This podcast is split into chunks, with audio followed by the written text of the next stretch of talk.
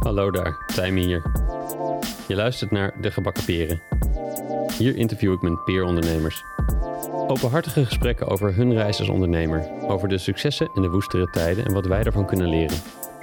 Maar juist ook over de persoon achter het bedrijf, over wat hun drijft en wat hun heeft gevormd en hoe het nu echt voor hen is om ondernemer te zijn. Of zoals de titel al zegt, wanneer zaten ze gebakken of wanneer zaten ze met de gebakken peren. Oké, dat is de enige en laatste keer dat ik die grap zal maken. Ondernemerschap is de beste school voor persoonlijke ontwikkeling, maar misschien kun je sommige lessen met minder schade en schande leren door slim te spieken.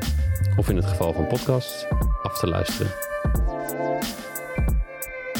In deze aflevering is Willem Dudok te gast. Willem is co-founder van communicatiebureau Johnny Wonder. Een bureau met waardevolle communicatie in een digitaal tijdperk. En dat doen ze goed.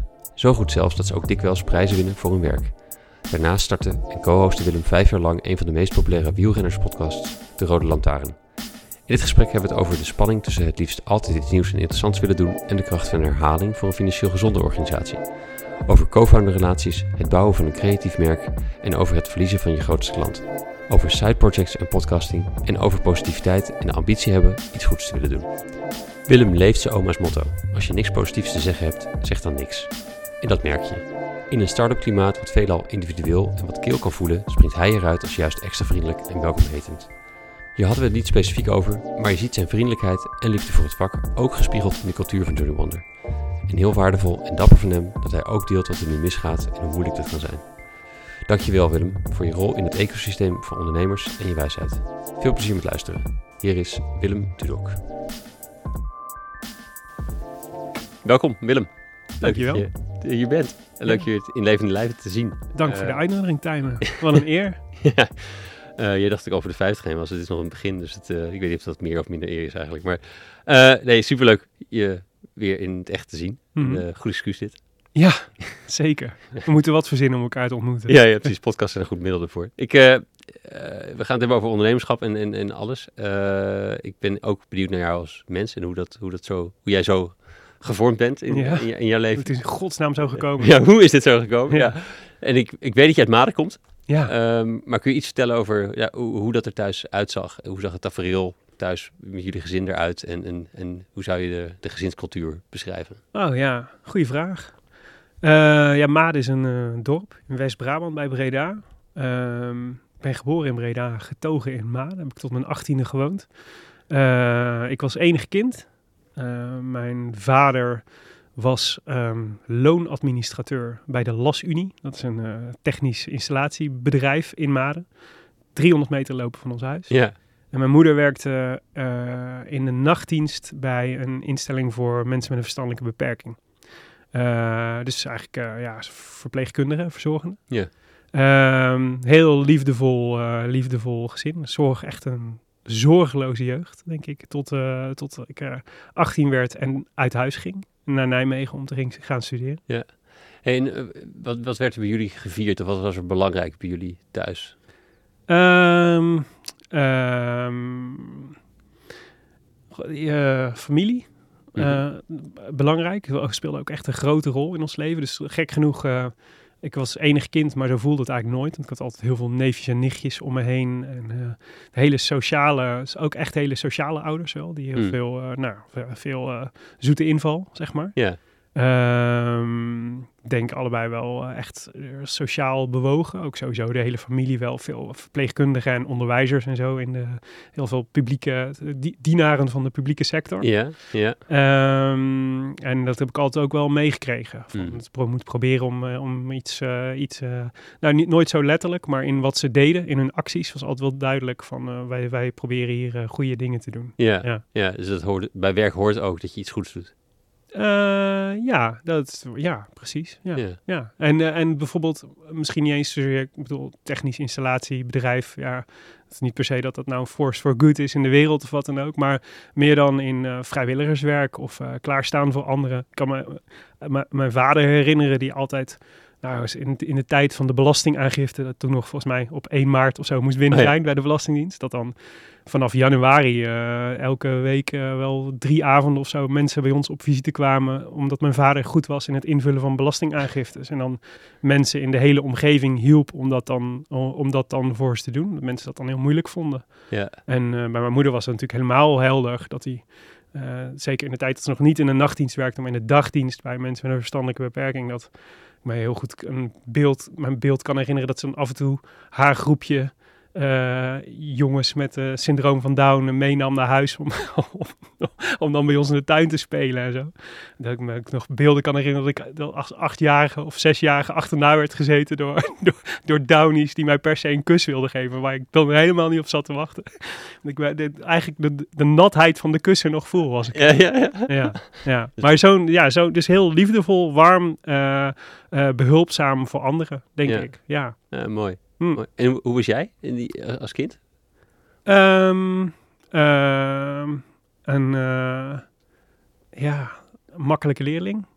Sowieso. Daar heb ik denk ik altijd veel voordeel van gehad. Hmm. Gewoon vloog redelijk soepel door school. Moest nooit echt, eh hoefde me nooit echt iets te, echt iets te ehm, forceren om dingen voor elkaar te Ja. krijgen. Dat was op de basisschool zo. Dat was op de middelbare school zo. Echt allemans vriendje. Ook. Hmm. Ik denk misschien ook wel een soort karaktertrek van een enig kind. Of ze worden echt super egoïstisch. Of, of het zijn alle, allemaal vrienden. Ze moeten toch ergens vriendjes vandaan halen. Ja. Daar zijn ze niet. Ja, precies. Ja. Dus Hmm. altijd zo'n beetje surfend tussen allerlei verschillende groepjes. Ja. En dat de middelbare school wordt dat wat prominenter dan, weet je, omdat dan echt die groepen zich. In mijn tijd was dat dan nog de skaters en de alto's en de kakkers en zo. En ik zweefde daar dan zo'n beetje overal tussen. ja. En dat heb ik eigenlijk altijd wel gehouden. Soort, en, en soort, Neem ik aan in Breda naar de middelbare school gegaan. ja, ja, Newman College in Breda. Ja. Shout-out. Geen idee of er iemand luistert van het Newman College, maar Ik weet het ook niet. ja. Nee, maar een hele mooie tijd gehad daar. En ook wel op het, op het Newman College ook wel... ehm, eh, dat bedoel ik met, een, met volgens mij een vlekkeloze middelbare school. Dus ook wel mezelf of mijn eigen kwaliteiten goed ontdekt. Dus op een gegeven moment dan, in- de derde klas van de middelbare school... ik echt zo nog weet dat een eh, leraar voor het eerst tegen me zei... hey, eh, we hebben het Europees Jeugdparlement en jij kan heel goed debatteren... en je kan dit goed en dat goed. Eh, en dat, dat, dat ik daar naartoe mocht, zeg maar. En dat, dat is leuk, maar het was vooral achteraf als ik kijk, denk ik... Wat fijn dat er toen iemand was die me toen zag. Mm. En die zag dat ik dat goed kan. Ja. En, da- en daarin en dacht, oh, die jongen moeten we even een kans geven om dit, om een platform Ja. te krijgen om dat dan ook te uiten. En als ik achteraf denk hoeveel dat bijvoorbeeld met mijn zelfvertrouwen heeft gedaan, dat was wel echt eh, het veel bijzonder. Ja, het is grappig wat je zegt. Dus dat, dat zelfvertrouwen dat is ook iets wat ik gewoon heel, heel, heel zonder enige bombastie, Mhm. heel gewoon kalm zelfvertrouwen wat je altijd uitstraalt. Ja. Dat was wel mooi. Zo, ja, fijn ook en heel knap, mooi zo'n moment dat zo'n leraar eh, buiten zijn, nou ja, meer doet dan zijn boekje. Ja, Eh, ja, zeker. eh, ja. Dat is zo waardevol. Dat zijn eigenlijk de, de leraren waar je terug in zijn, dat zijn dat natuurlijk. Ja, nee, ja, ja, absoluut. En dat was zeker ook niet de enige hoor. Ik bedoel, ik, ik ben natuurlijk echt gezegend met heel, dat ik heel veel kansen heb gekregen in mijn leven die daar heel erg op lijken. Maar dit was wel echt zo'n, voor mij een heel betekenisvol moment. Omdat je dan, omdat je, nou ja, je wordt gezien en je voelt, hierdoor kan ik groeien. Ja, En zeker op zo'n leeftijd is dat natuurlijk zo ontzettend belangrijk dat je daar een positieve ervaringen op doet met ja, ja, eh, kans krijgen, kans grijpen, lef tonen om iets te doen en beloond worden voor het feit dat je dat, dat, je dat hebt gedaan. Weet je, nou ja, dat is gewoon eh, dat is fantastisch. Hadden je ouders gestudeerd?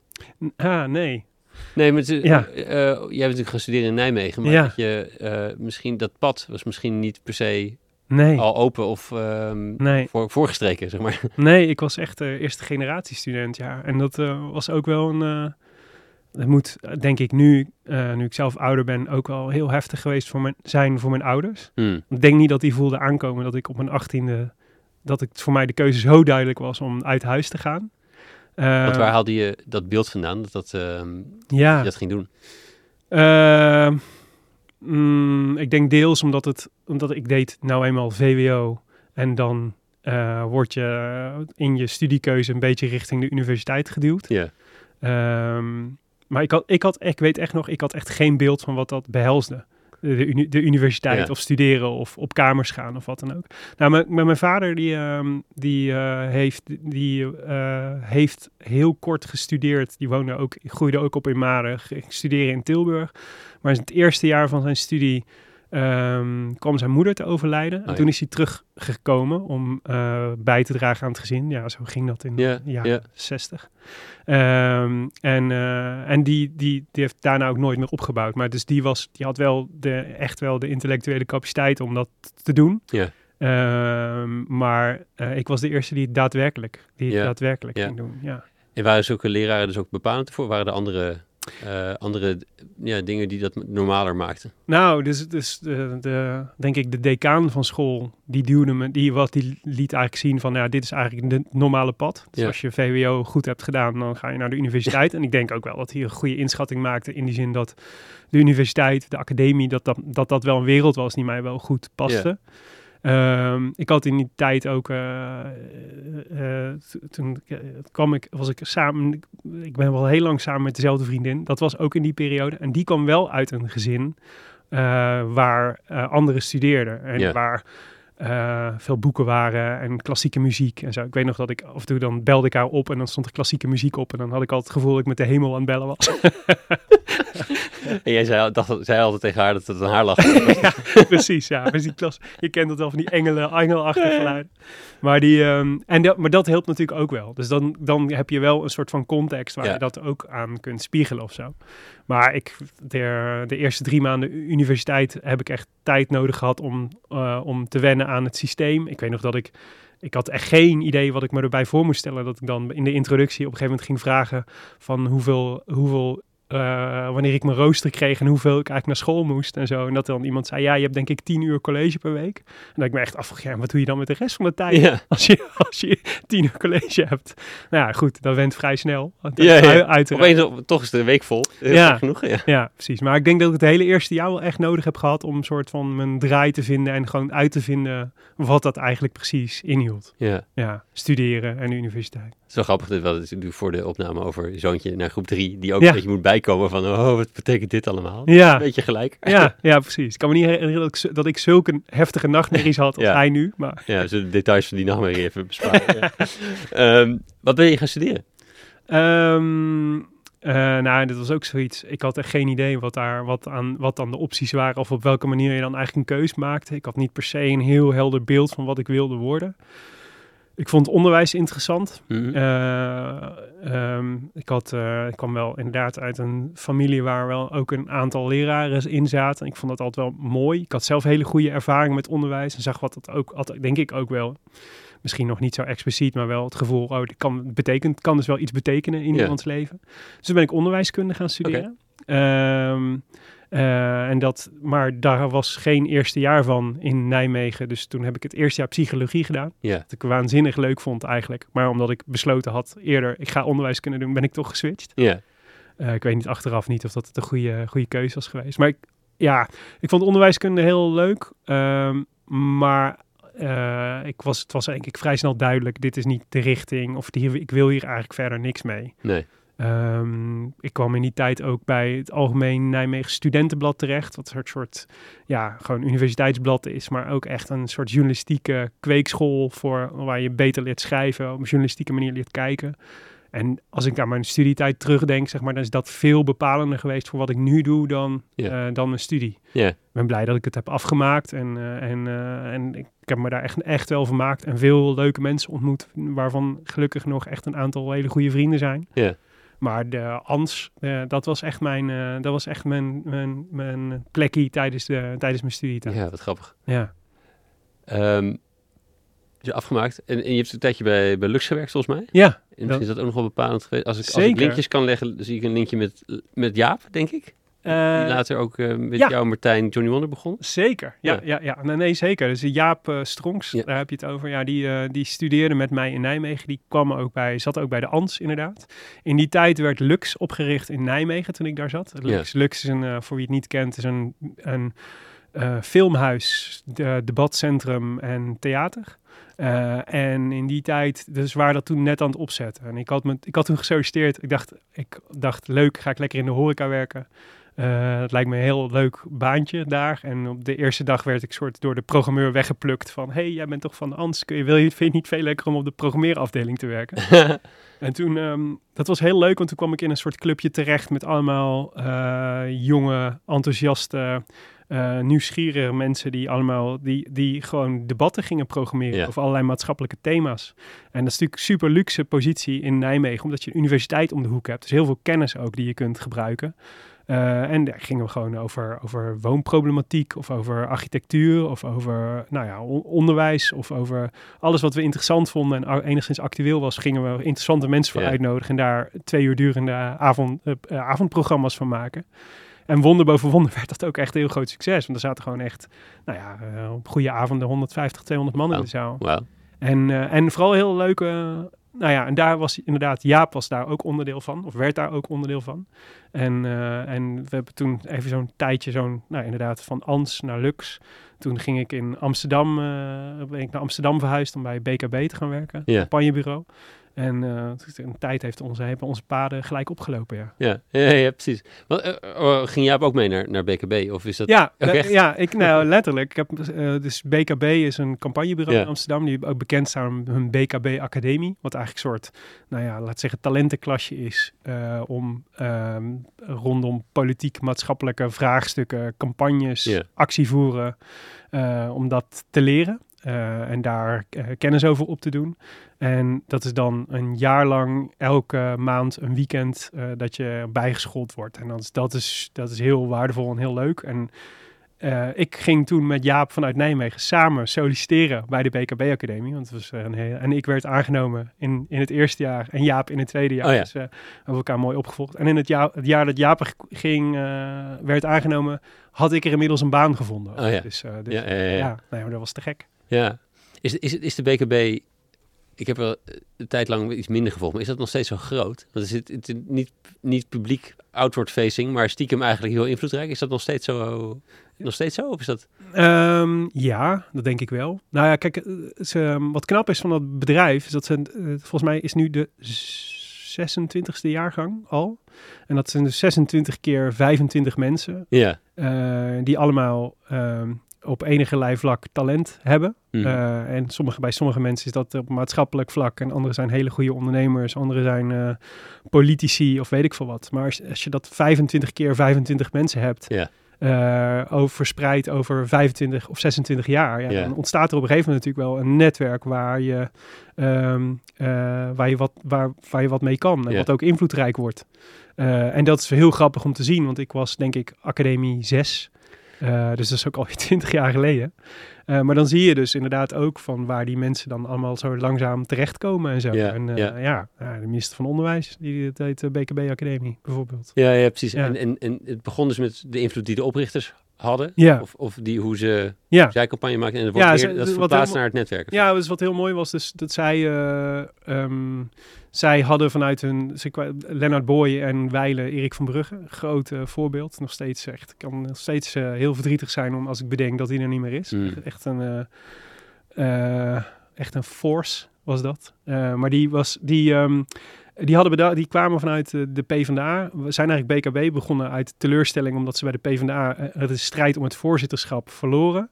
Maar hadden toen eigenlijk meteen vanaf het begin bedacht, eh, wij zijn ver gekomen doordat we, doordat, we ons ne- doordat we een goed netwerk hadden. En we willen eigenlijk jonge, talentvolle mensen diezelfde kans geven. Ja. Eh, dus we willen onze kennis delen en we willen ze deel uit laten maken en, en, eh, van, een, eh, van, een, eh, nou ja, van een breder netwerk van gelijkgestemden of van juist niet gelijkgestemden, maar mensen die ze kunnen scherpen in hun, eh, in hun gedachten en ze de, het gereedschap geven om eh, hun ideeën tot eh, volle wasdom te brengen. En dat hebben ze, nou ja, dat, dat doen ze al 26 jaar. En dat is met een heel mooie ideale, ideële drijfveer. Maar het is natuurlijk ondertussen ook een hele mooie pool om steeds nieuw personeel uit te vinden. Ja, ja. Een talent aan je te binden. Ja. Een netwerk op te bouwen waar je als bureau een heel, heel veel voordeel van hebt. Dus ik heb daar wel, kijk daar nu als ondernemer met heel veel, eh, met heel veel nou ja, bewondering naar. En ook wel enige jaloezie soms. Omdat ik denk, ja, dat hebben jullie gewoon heel goed, heel goed gezien. Maar het is, het is, ja, het is gewoon, eh, het is bijzonder dat ze dat hebben gedaan. Het kost ze ook bakken vol geld. ja, ja, precies. Ja. Het, zal niet, eh, het zal niet winst draaien, die academie. Nee. Nee, nee, die moet ergens anders vandaan komen. Ja, ja, precies. Ja. Nee, het is natuurlijk het is een beetje het consultancy-model dat je al die up-or-outs, door dat up-or-out principe, dat heel veel mensen eigenlijk na een paar jaar op managementposities Ja. ergens terechtkomen. Ja. en vervolgens dan klanten worden. Ja, precies. Eh. ja, ja, nee, dat klopt. Maar dat duurt wel even voordat je daar bent. Dus het is knap om dat Ja. zo lang vol te houden. Ja, zeker. Ja. Wat zijn een paar dingen die jij, die jij echt hebt meegenomen? Het, het klinkt alsof je een paar, een paar van die sta- stepping stones hebben gehad om het over campagne en communicatiestrategie, om daar Mhm. dingen over te leren. Wat, wat zijn de, de lessen die je daar uithaalde? Ehm, eh, de, dus de, de, bedoel je dan specifiek van de, van de BKB-academie? Of? Nee, je hebt de, de, de, ANS, Lux, de BKB. Ja. Eh, er zijn een paar van die stapjes waar je Ja, ja. steeds meer leerde over... Nou, ik heb, ik heb veel over mezelf geleerd. Hmm, Over wat ik, goed, wat ik goed kan, waar ik goed in ben en waar ik minder goed in ben. in de was. ja. Ehm, nou, ehm, dat ik eh, denk ik snel in staat ben om een soort ehm, mm, eh, maatschappelijke onderwerpen te duiden. Vrij snel. Dat, ik ben vrij, ik ben vrij, ben wel echt een generalist. Hmm. Eh, dus ik vind heel veel dingen heel interessant. Maar ik, en ik vind het ook heel leuk om te snappen hoe dingen werken. En ik kan denk ik nog steeds heel veel voordeel hebben van het feit dat ik bij een zorgklant kan zitten en vrij snel ehm, met ze mee kan denken. Dat- ik vrij snel weet, eh, dit is de context waarin jij je bedrijf of je organisatie moet runnen. Dus Hmm. ik weet wat decentralisatie in de zorg behelst. Of ik weet wat de grote issues zijn die daar spelen. En dat is denk ik een gevolg van heel veel nieuwsgierigheid. En ook gewoon decennia lang de krant lezen Ja, ja. en tv kijken en aangehaakt blijven bij popcultuur en dat soort dingen. Maar ik denk dus dat is een soort maatschappelijke antenne voor wat er speelt. In combinatie met ook wel de creativiteit om daar vervolgens iets mee te doen. En, eh, en, en, en interessante nieuwe oplossingen voor te bedenken. Ehm, eh, en die ook te verbeelden, eh, te verbeeldend te maken. Dus daar ook, daar, nou ja, dus daar ook eh, concreet handen en voeten aan te geven. Bijvoorbeeld in een campagne of in een activatie of in een mechanisme om, een ander mechanisme om via te communiceren of een boodschap over te brengen. Ja. En toen je in de tijd voordat jullie, dus toen je nog bij BKB zat en, en, en, wat merkte je wat je toen, wat je toen goed kon? Of Mhm. welke handvatten of, of, of gereedschappen had je toen al? Ja, ehm, eh, ik kon vrij goed schrijven. Mhm. Dat heb ik, daar ben ik altijd heel blij mee geweest. Dat, het, dat, dat heb ik echt bij Ans geleerd als soort ambacht van hoe maak je nou, eh, hoe leer je nou gewoon een goede tekst maken. Eh, zowel lang als in van hoe, hoe, in, hoe werk ik een interview uit naar hoe maak ik een interessante lead eh, van vijf regels waarin eh, mensen geprikkeld worden om dat te gaan lezen, tot hoe maak ik een interessante kop, zeg maar, die, die prim mensen prikkelt om, om het überhaupt te kopen of te pakken, of weet ik veel wat. En in combinatie met een interessant beeld. En dat vond ik, dat los van het ambacht van schrijven, heeft me dat denk ik ook heel veel gebracht, omdat als je helder kunt schrijven of iets goed kunt opschrijven, dat helpt je ook in het denken ja, heel goed. Ja. Eh, zo'n, zo'n een heel verhaal terugbrengen naar vijf regels leert je wel iets over essentie, weet Ja. je wel, van wat... Ja. ehm, eh, kunnen uitleggen. ja, precies. En ehm, eh, dus ik denk dat dat bij Ans heel erg was. Ik denk dat bij Lux, omdat we er zoveel maatschappelijke thema's zo uitvoerig bespraken en elkaar zo prikkelden in.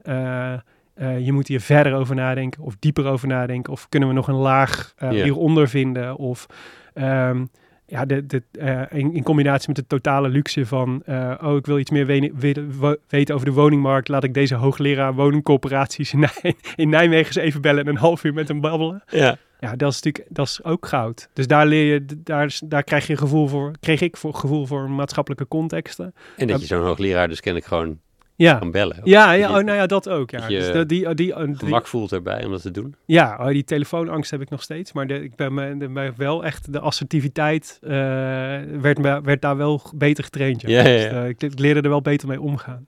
En bij BKB dus inderdaad van hoe kun je nou, eh, hoe kun je nou groepen overtuigen? En, en hoe kun je nou, ehm, ehm, eh, eh, eh, waar moet een goede campagne af? Als je iets wil en op, op een maatschappelijk domein, hoe, ga je dan, hoe maak je dan iets waar mensen bij willen aansluiten of Ja. willen, willen aanhaken? Ja.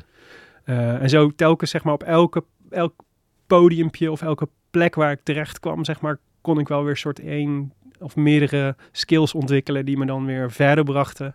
Maar allemaal wel een soort van dezelfde lijn. Ja. ik. Ja. Even een tijdje nog ook, ik weet niet hoe, de, hoe je functie heet, maar eh, onder Lodewijk Asscher als politiek Ja. assistent. eh, dat Ja, politieke assistent. Ja. Ja. dus ik heb ehm, meegewerkt in zijn campagne, Ja. de gemeenteraadsverkiezingen van 2010. Ja. Eh, dus dat was eigenlijk op in de tijd dat hij een soort de nationale wethouder was. Ja. Eh, en de coming man eigenlijk.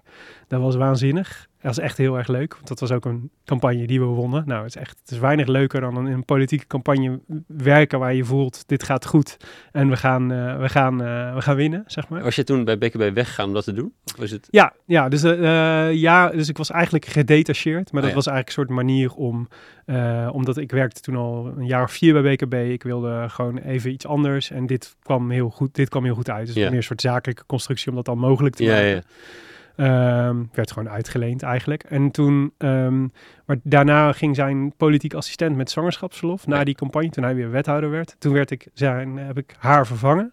Alleen dat was de, in de dag nadat ik begonnen was, ging Job Cohen naar Den Haag. De burgemeester van Amsterdam werd de lijsttrekker van de PvdA. Ja. Waardoor Lodewijk uh, waarnemend burgemeester van Amsterdam werd. En ik politiek assistent van de waarnemend burgemeester. Ja.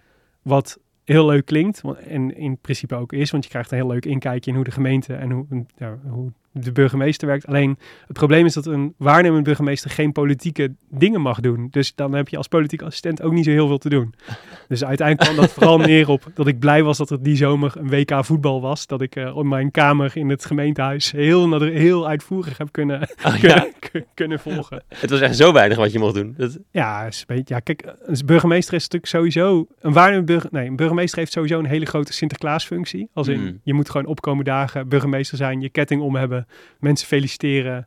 Uh, dat, zeg maar. Ja. Uh, je hebt die kant van openbare orde en veiligheid. Die is natuurlijk wel heel groot, maar daar heb je als politiek assistent niet zoveel in te, in te zoeken. Ja, ik heb wel eens bij die overleg gezeten met allemaal alle regio, ja, burgemeesters regio bij elkaar. Over de sterkteverdelingen van, de, van, van, de, van de, alle veiligheidsfuncties. Zeker, ja. Ja, en er gebeurde, in die tijd er gebeurde ook wel heel veel. Want het was dus het WK dat Nederland tweede werd. Dus kregen we de huldiging in de, oh, in de grachten. We hadden, het was het jaar van de Damschreeuwer. Ik weet niet of je dat nog weet. Ja. Dus de paniek op de Dam tijdens de dodenherdenking. Nou ja, dat is ook heel... Het is allemaal openbare orde en veiligheidsdingen die in principe heel interessant waren. Maar als politiek assistent toch net iets te ver vandaan staat. Ja, ja, ja. Dus nee, het was, dat was niet... Uh, ik heb op een gegeven moment heb ik ook gezegd... Ja, ik heb, geloof niet dat ik hier nog een functie heb. Dus volgens mij, uh, het WK is afgelopen. ik, ga nog even, ik ga weer iets anders doen. Ik had even die tijd nodig om dit te vullen. Maar... Ja. Oh, wauw. Um, wel nog de, EK, de WK Pool gewonnen trouwens van het gemeentehuis. Dat is wel even belangrijk om te vermelden, ja. Zeker. Waarvan achter. Nee. um, ik ben wel benieuwd hoe... hoe nee, jullie zijn ook in die tijd Johnny Wonder begonnen. Ja. Ik ben even benieuwd gewoon, wat, wat was jouw beeld van een ondernemer zijn of ondernemerschap? Of ja. hoe zag dat er toen uit? Um, uh, nou, had ik eigenlijk niet. Gek, nee, dat had ik eigenlijk niet. Dus um, ik ben, uh, dit is in de, precies de, in die tijd, dus nadat ik gestopt was met, uh, met uh, dat was sowieso een tijd van zoeken, van wat wil ik eigenlijk doen. Ik was een beetje klaar bij BKB.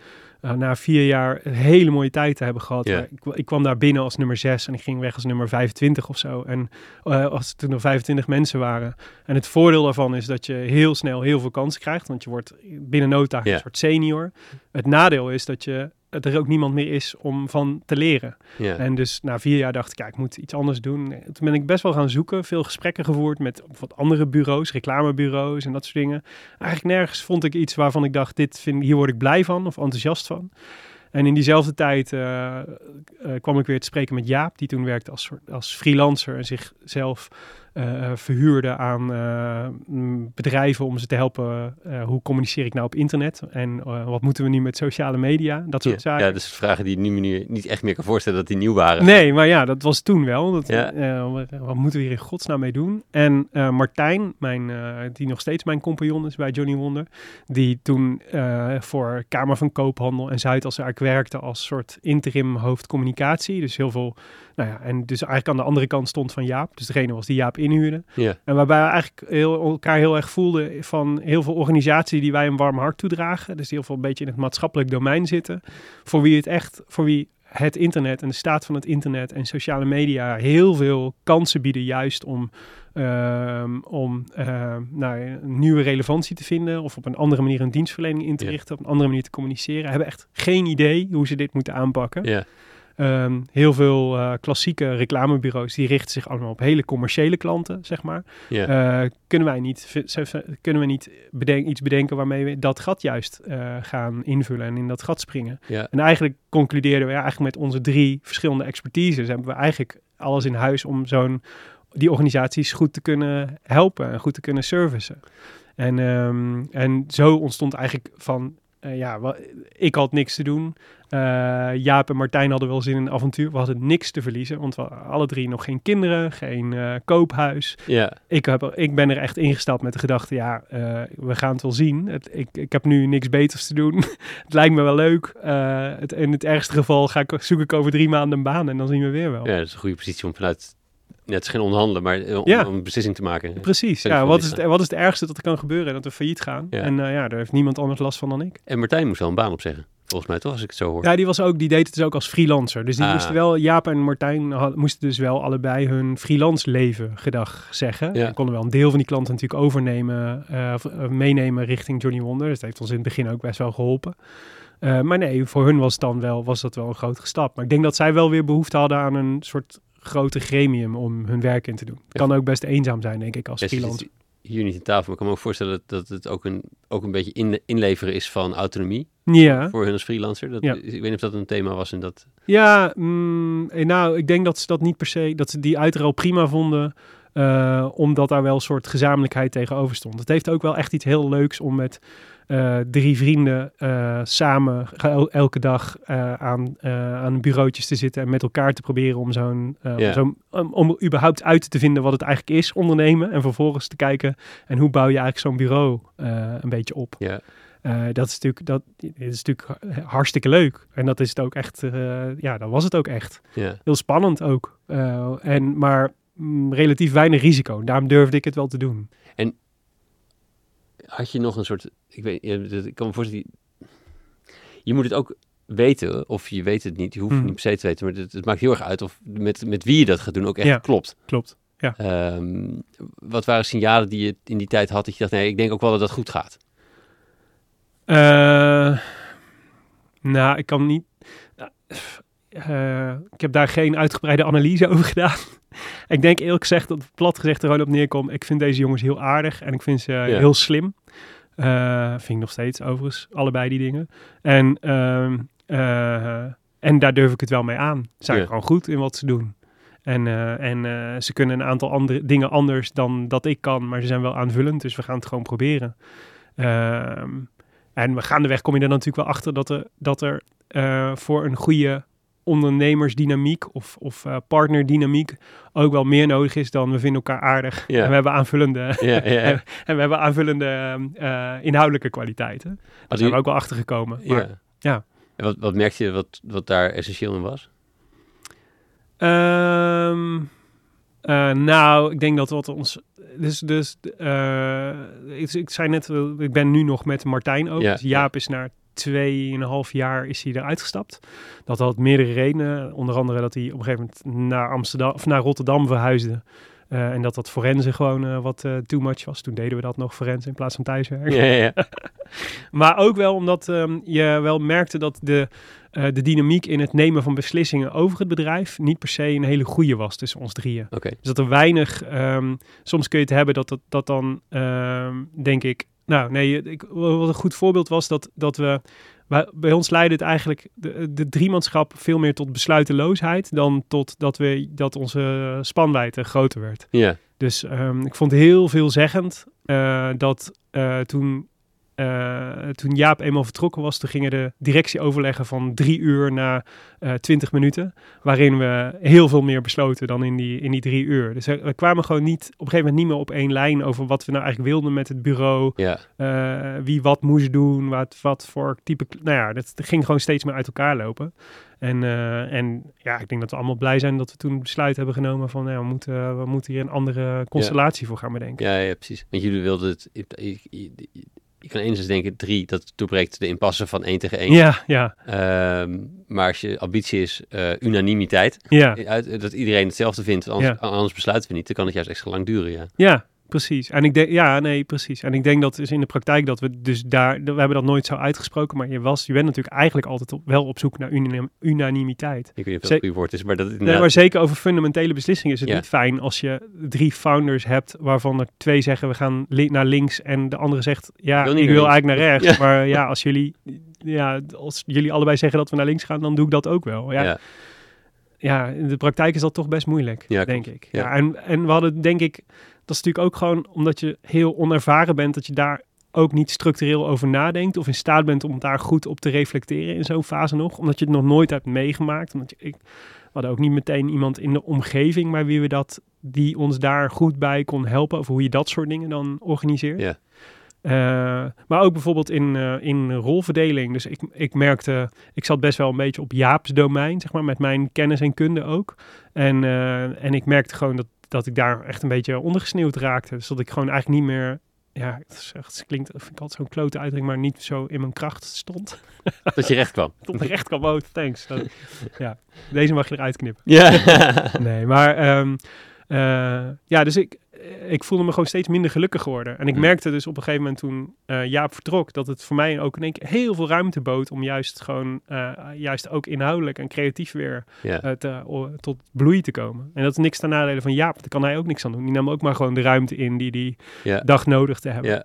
Eh, maar dat was, ja, ik zou dat, laat zeggen, met de kennis van nu zou ik daar van tevoren echt veel beter over nadenken. En veel beter beeld van hebben hoe je dat soort dingen dan wel organiseert. Ja, ja, precies. Ja, het is heel moeilijk, makkelijk dat, dat je, of het is heel moeilijk om je dat tien jaar geleden al, eh, of twaalf jaar geleden al goed in te richten. Ja, Eh, Klopt. met de kennis die je toen nog niet had. nee, nee, ja, nee, precies. En het, is ook, het voelt ook wel een beetje als leergeld hoor. In de zin van, eh, en dat, zo kijk ik eigenlijk wel terug op de hele twaalf jaar. Dus je, maakt, je blijft gewoon voortdurend fouten maken. Want je komt voortdurend dingen tegen die je voor het eerst doet. Eh, en de kunst is om je daar niet te veel door uit het veld te laten slaan. En het steeds wel, denk ik, te beschouwen als... Nou ja, dit is weer een moment waar ik, waar ik iets van kan leren. En, de en ik neem mezelf niet te kwalijk dat ik hier misschien niet de allerbeste beslissing heb genomen. Of zelfs fouten heb gemaakt. Zolang ze de volgende keer, zodat ik het dan de volgende keer maar beter doe. ja, ja. Maar zelfs nu, na 12,5 jaar, kom ik nog steeds dingen tegen die ik voor het eerst doe. Of die ik, die ik nog niet, situaties die ik nog niet eerder had meegemaakt. Of hoe ik niet zo goed weet hoe ik daar dan weer mee om moet gaan. Ja. Dat, is- dat blijft. dat blijft inderdaad. Ja. Ja. Hey, hoe was jullie, jullie starten? Ja. Toen nog drieën bracht, Jaap en Martijn brachten eh, wat opdrachtgevers mee. Eh, je had een rolverdeling dat volgens mij Martijn iets meer de zakelijke kant deed en, en jij en Jaap wat meer inhoudelijk creatief waren. Ja, dus, nou, toen, dus dit zegt iets over de rolverdeling. Toen deden we eigenlijk alle drie alles. Ja, ja, ja, oké, oké. ja, ja. Ook niet aanbevelenswaardig, maar ja. Nee, ja, precies. Alle, iedereen van alles, ja. Ehm, maar dat, jullie hadden dus ook minder een rolverdeling bedacht. in ieder geval. Ja. ja. Ja, want omdat juist ook omdat we er allemaal een soort vanuit de inhoud inkwamen. Ja. Dus er was niet iemand die erbij zat die zei: Oh ja, ik, ik ben de partner die, eh, die de organisatorische kennis of de financiële kennis inbrengt. Nou, we waren alle drie eh, gedreven door de inhoud, zeg maar.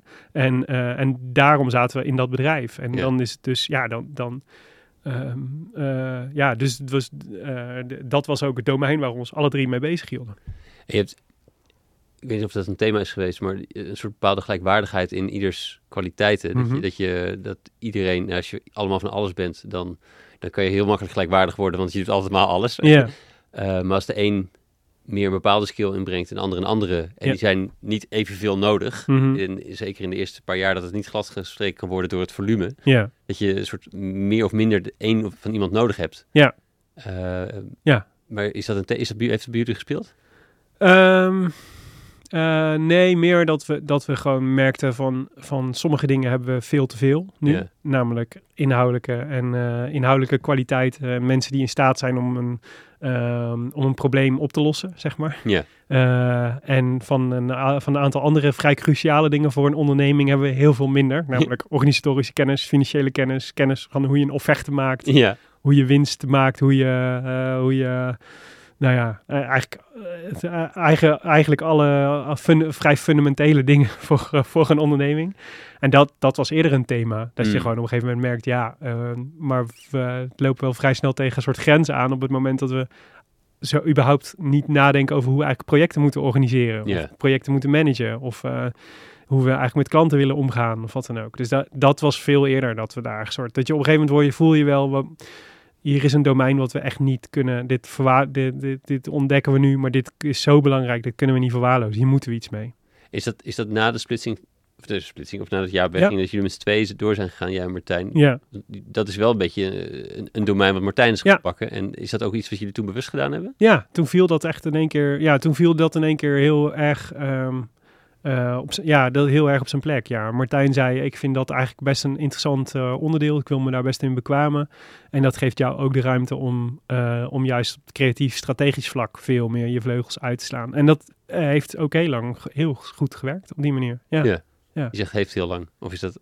Nou, de, dus nee, kijk, later, ehm, eh, je, als je weer in volgende groeifases komt, dan merk je dat van allebei weer andere dingen nodig zijn. Ja. Dus dan, en dat, eh, dat die dynamiek weer onder druk komt te staan of verandert. Of, eh, dus dat, dat, is natuurlijk, dat, dat is natuurlijk ook wel geweest. Maar die eerste periode nadat Jaap weg was, zeg maar, daar, was, daar ontstond wel die, die, die splitsing. Ja. En die werkte, ja, die werkte heel goed. Hey, daar ben ik zo meteen nog wel benieuwd naar. Dan Ja. hoe dat in de volgende fase. Maar ik ben even benieuwd hoe, de- hoe jullie nu... Ik, ik kan me één kantelmoment herinneren bij jullie. Mhm. Dat jullie van met z'n tweeën, met, met een klein clubje van drie Ja, eh, om je heen. eh, soms freelance, soms eh, licht in dienst al. Ja. Dat, het- dat dat volume een beetje had naar opeens... Er zijn er, er, zijn er twaalf. ja, ja. Hoe, hoe hebben jullie die reis gemaakt? hoe is dat Ehm, gelukt? Dat is ook een moeilijk kantelpunt, wat vaak niet lukt. Nee, ehm, nee, dat klopt. Nou, dat was eigenlijk een heel ehm, eh, vrij specifiek moment. Ik kan me heel goed. dit, ehm, eigenlijk was het, was het ehm, eh, vrij lang bleef het dat. Dus drie, vier, vijf mensen. Dus eigenlijk de drie founders, of later dan de twee founders. En dan eh, een paar mensen eromheen die dan ofwel project, ook best wel generalisten waren nog. Ja. Ehm, maar dat was, je merkte wel aan alles van. Eh, op een gegeven moment is de, begindynamiek van. Oh, oh, we, zijn, we, we beginnen net en alles is leuk. En ja, natuurlijk gaan er dingen mis, maar dat hoort erbij, want we zijn net begonnen. En zo. Als dat een beetje eraf gaat, zeg maar, dan, dan gaan mensen ook verwachten van. Ja, jongens, maar we zijn nu niet. We zijn al wel even een tijdje bezig. Dus het zou op zich wel fijn zijn als er nu gewoon eens al dingen zouden staan, zeg maar, in plaats van. eh, en ik kan me herinneren dat we toen best in een soort even in een soort moment zaten dat ik dacht, ja, ga- waar gaat dit nou heen? Weet je wel, is dit nou inderdaad van, gaan we nou, ehm, gaat dit nou, gaan we nou ergens een doorbraak krijgen? Of eh, is het soort aflopende zaak? En is dit, is dit gewoon blijven van die kleine opdrachtjes doen en van alles bij elkaar sprokkelen om maar gewoon eh bureau draaien te houden? Maar ja, het levert het verder niks op. En toen weet ik dus ook nog dat ik, dat ik best wel ook voor mezelf met die gedachte in mijn hoofd zat. Dat ik dacht van, ja, ik weet niet, als dit het is, dan weet ik niet of dat ik nou, of dat ik hier nou zo enthousiast over word om dit de komende jaren te blijven doen. Ehm, en dat we toen in een pitch terechtkwamen voor Pleegzorg Nederland. Oké. En eh, de organisatie die, eh, die nou ja, pleegouders zoekt in Nederland eh, voor kinderen die tijdelijk of permanent niet thuis kunnen wonen. En dat we eigenlijk met het hele team eigenlijk dachten, ja, dit is echt onze kans. Want dit is echt, dit is, dit is een thema wat we allemaal, waar we allemaal wat bij voelen. Dit is een vraagstuk waar we wat mee kunnen. Eh, waar we de, de, de middelen en de mensen voor hebben om hier echt iets heel goeds van te maken. Ja. Ehm, eh, en dus dit zou wel eens een doorbraak kunnen zijn. En dat was dan ook een campagne die dan voor het eerst echt flink budget had. ja, precies. Ehm, en, eh, en die pitch wonnen we. Glansrijk ook. Dus, en dat was, dat, ik kan me herinneren dat ik naar buiten liep en na die, nadat die pitch hadden gedaan, en dat ik ook echt het gevoel had, we hebben hier iets doorbroken. En we hebben hier iets, niet alleen deze, ik weet zeker dat, ah, ik weet zeker dat we deze pitch hebben gewonnen. We hebben deze mensen echt weggeblazen. Eh, dat was al fantastiek, al een fantastisch gevoel. Maar ook op een dieper niveau dat je voelt, dit is ook de doorbraak die we zochten voor, voor het bureau. Want op dit platform, deze campagne, kunnen we, eh, kunnen we verder bouwen. Dus in die, eigenlijk die vertwijfeling over, moet ik nou wel verder? Hier verzag je eigenlijk, hé, wacht, als we het zo combineren, dan, dan past het eigenlijk heel goed. En het lukt ook nog eens. Ja, maar ook dus de toeval dat op dat moment net de kans Ja. voorbij kwam om, eh, om, te, om, om dat te laten zien. Ja. Als die niet was gekomen, hè, dan, dan, ja, dan weet ik niet wat, eh, of ik hier had gezeten. Ja. dan had ik je nog steeds graag uitgenodigd. ja, maar, en, ehm, eh, en dus, en, maar je vroeg van, hè, dus dat, dat is dan een platform, zo'n zo'n campagne is dan een platform waarop je ook bijvoorbeeld, nou ja, dan ontstaat er financiële ruimte, dus dan kun je ook wat mensen aannemen, kun je groei een beetje voorfinancieren en, eh, en als je dat dan goed doet en de juiste mensen aanneemt, Ja. dat was toen nog een stuk makkelijker dan dat het nu is, eh, en de juiste mensen treft, dan ontstaat er ook in één keer ruimte om aan meer van dat soort pitches mee te nemen, deel te nemen, waar je ook geloofwaardigheid hebt, omdat je het al een keer hebt gedaan. want weet je kon dan daarmee proactief ook wat meer tijd Ja. die pitches goed, om die goed te doen of, Ja, of, of, of daarom achteraan te gaan of zo. Ja. Is dat, Ja, en toen hadden we dus nog een keer geluk. Dus, dus de, de, eh, ehm, want we werkten al een tijdje voor de Nederlandse spoorwegen. Gewoon op en af, eh, af en aan op allerlei kleine klinkt klusjes. spoor, ja. Ja. Precies. Ehm, en die gingen toen op een gegeven moment hun eh, hele social media strategie en content gingen ze aanbesteden. Ja. En daar, wij deden al wat dingen en die, die pitch wonnen we, of die, eh, die aanbesteding wonnen we. En dat was eigenlijk, eh, dat is eigenlijk een andere basis geworden voor, die, voor, die, voor dat grote groeien. Want daar, en omdat, omdat NS goed te kunnen service hadden we gewoon überhaupt meer mensen nodig. Ja. Maar wat het ook deed was, eh, we hadden een soort retainer afspraak. Dus ik kreeg gewoon een x bedrag per maand waarvoor we werk moesten doen. En dat is zo'n fijne basis om een bedrijf op te bouwen. Want dan weet je gewoon, de komende drie jaar of vier jaar hebben we gewoon elke maand in ieder geval deze omzet. ja. Eh, en, eh, en als we die goed kunnen inzetten, zeg maar, en, en goed kunnen verkopen, dan ontstaat er ruimte om andere dingen te doen. En dan kun je af en toe een risicootje nemen en een keer vaker aan een pitch deelnemen. En zo groei je dan langzaam maar zeker erin. Maar dat waren wel echt twee hele bepalende momenten voor die groei. Ja, het is grappig, de, de as a service-achtige businesses, zeg maar, die, die, die- die- wat de laatste, wat is het, vijf jaar eh, overal er opeens is. Dat Ja. natuurlijk met een reden dat het zo prettig is om gewoon standaard geld binnen te krijgen. Ja, Helemaal als je geen variabele kosten hebt met Nee. software. Maar Ja, eh, hier ook wat de, de, de, de struggle om iedere keer ja, weer nieuwe kleine projectjes binnen te krijgen en dat altijd te blijven doen. ja. Ja, dat is al irritant als je eigen kosten stijgen. Mhm. Eh, maar dat is helemaal vervelend als je, als je, als je ook inderdaad vijf man in, dienst hebt. Ja. En steeds weer kleine klusjes moet binnenharken. Ja. ja, zeker. Ja. dus dat, ja, en dat gaf vooral dus de ruimte om dat structureler te doen. Of dat Ja, dus zetten. precies. Ja, dus om echt te bouwen aan een team. Dus, dus natuurlijk in een team van vijf mensen heb je eigenlijk vijf generalisten. Want je hebt niet de luxe om een aparte eh, social media stratege te hebben en een projectmanager en een eh, producent. Eigenlijk moet dan nog steeds iedereen eigenlijk een beetje van alles kunnen. Want je hebt die flexibiliteit nodig. Ehm, Welk project er langskomt. Je kan Ja. niet één op de vijf op de bank, van van Nee. vijf op de bank hebben zitten. en natuurlijk heeft iedereen daar binnen wel zijn specialiteiten. Maar in- ja, ik deed toen ook gewoon projectmanagement dingen. Weet je, Ja. ja, dat, ja we hadden geen andere smaak. En natuurlijk, naarmate je team groter groeit, kun je dus ook weer meer specialismen binnenhalen. En wordt dat makkelijker. En daardoor groei je weer als bedrijf. Word je weer, kun je weer, word je weer beter. Daardoor kun je weer makkelijker ehm, eh, opdrachten binnenhalen. Weet je, dus het is ook, het is ook wel een dynamiek waar je, die, dan, eh, die dan in één keer beter wordt. Ja, Wel weer Ja. ook zijn andere uitdaging met zich meebrengt. Maar dat, dat, die, dat was wel echt soort de motor van de groei. Gewoon een paar doorbraakopdrachten. Ons de ruimte gaven om te bouwen aan ons personeelsbestand. En de ruimte gaven, eh, nou ja, de financiële ruimte gaven om gewoon altijd rustig te kunnen blijven ademen, zeg maar. En niet eh, paniekvoetbal te spelen. ja precies. Hey, wat, wat een andere uitdaging is volgens mij, dat, dat, dat in het begin jij en Martijn en Jaap de experts waren die, Mhm. die, die supergoed waren en, en gevraagd werden voor Ja. hun kunde. Ja. En dat op een gegeven moment moet dat een, een bureaumerk worden. Ja. Waarbij het bureau gevraagd wordt, ja, tuurlijk zitten daar bezielde partners in, Ja, eh, die heel goed zijn, maar ja, ik krijg ze niet alleen hen. Ik krijg misschien hen een beetje op de zijlijn. ja, ja. Eh, hoe hebben jullie dat bureau ook goed gekregen in het uitvoeren van wat jullie allemaal nou, hebben geleerd of eh, gaandeweg leerden, Ja. wisten? Ehm, nou ja, dus hoe, hoe hebben we dat gekregen? Dat, eh, dat, dat insinueert een soort bewust beleid. nee, je mag ook reflecteren. Ja. Ja. Ehm, ik denk wel dat we altijd hebben gedacht, dat moet het worden. Hm. Alleen, het is heel ingewikkeld om dan te bedenken, hoe ga je dat dan voor elkaar krijgen? Ik kan wel terugblikkend kijken, het is wel zo gegaan dat, je, dat we in de eerste fase van Johnny Wonder heel erg ehm, opdrachten binnenkregen, inderdaad op persoon. Ja. Daarna een soort fase waarin, nou eigenlijk wat ik net zei, waarin je een aantal projecten hebt gedaan die goed gegaan zijn en waarop je wordt herkend. Oh, mensen zien, oh die project, oh dat vond ik heel tof. Oh, en kijken wat bureau daar aan bij zit. Oh, die gaan we ook vragen. Ja. Soms vrij letterlijk, weet je, we hebben een aantal echt best wel be- beeldbepalende projecten gedaan waar we, nou, de pleegzorgcampagne is eentje waar heel veel, eh, waar heel veel vandaan is gekomen. Mensen die dan interessant vonden of goed vonden. We hebben voor NS ooit eh, de eerste WhatsApp-thriller van Nederland geïntroduceerd. Heeft heel veel eh, publiciteit opgeleverd. En dat is dan ook zoiets heel zichtbaars waar dan vervolgens vijf opdrachtgevers naar je toe komen en zeggen, ja, wij willen dit ook. Ja. Dan weer, wat heel sympathiek is, maar natuurlijk weer allerlei andere problemen met zich meebrengt.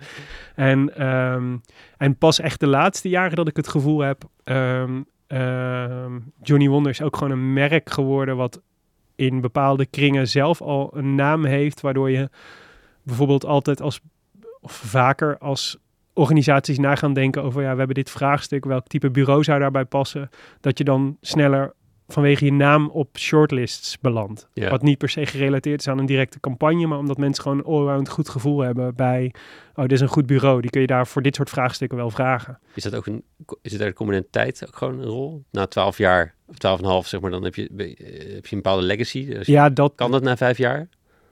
Ja, nou, ja, misschien. Sommige slagen er denk ik wel. Sommige bureaus slagen daar best goed in. Wij zijn nooit goed geweest in eigen PR. Dus ik denk wel dat het, dat het sneller had gekund. Eerlijk gezegd. En jullie wel veel PR uit het werk wat je gedaan had. Ja, maar dan was het al precies. Maar dat was altijd functioneel. Dus wij hebben Johnny Wonder hebben we eigenlijk nooit heel goed actief ehm, verkocht. Of in de markt gezet. Of eh, ja, bij de loodgieter lekt het dak altijd toch? Dat is, Ja, ja, ja, ja. daar hebben wij altijd wel veel last van gehad, moet ik zeggen. Dus dat blijft tot op de dag van vandaag wel echt een worsteling. Hoe je dat op een goede manier... Klanten gaan altijd voor. En dat is heel... Eh, wel, eh, nou ja, een paar jaar geleden wel soort... kwamen we wel tot een soort gezamenlijke... eh, noem je dat? Epiphany. Dat Johnny Wonder eigenlijk onze bel- belangrijkste klant is. Dat is eigenlijk de... nee, maar goed, Mooi, om daar mooi. dan vervolgens naar te handelen is, er weer, Ja, ja, ja. is weer een tweede. Toen die wonder belt nooit. maar het kan wel veel sneller. Dus ik denk dat er een heleboel, nou ja, zeker bureaus die, dat er veel jongere bureaus zijn die veel sneller in staat zijn geweest om die marktpositie in te nemen. Mm. Dus dat, je, dat ze op merk worden herkend.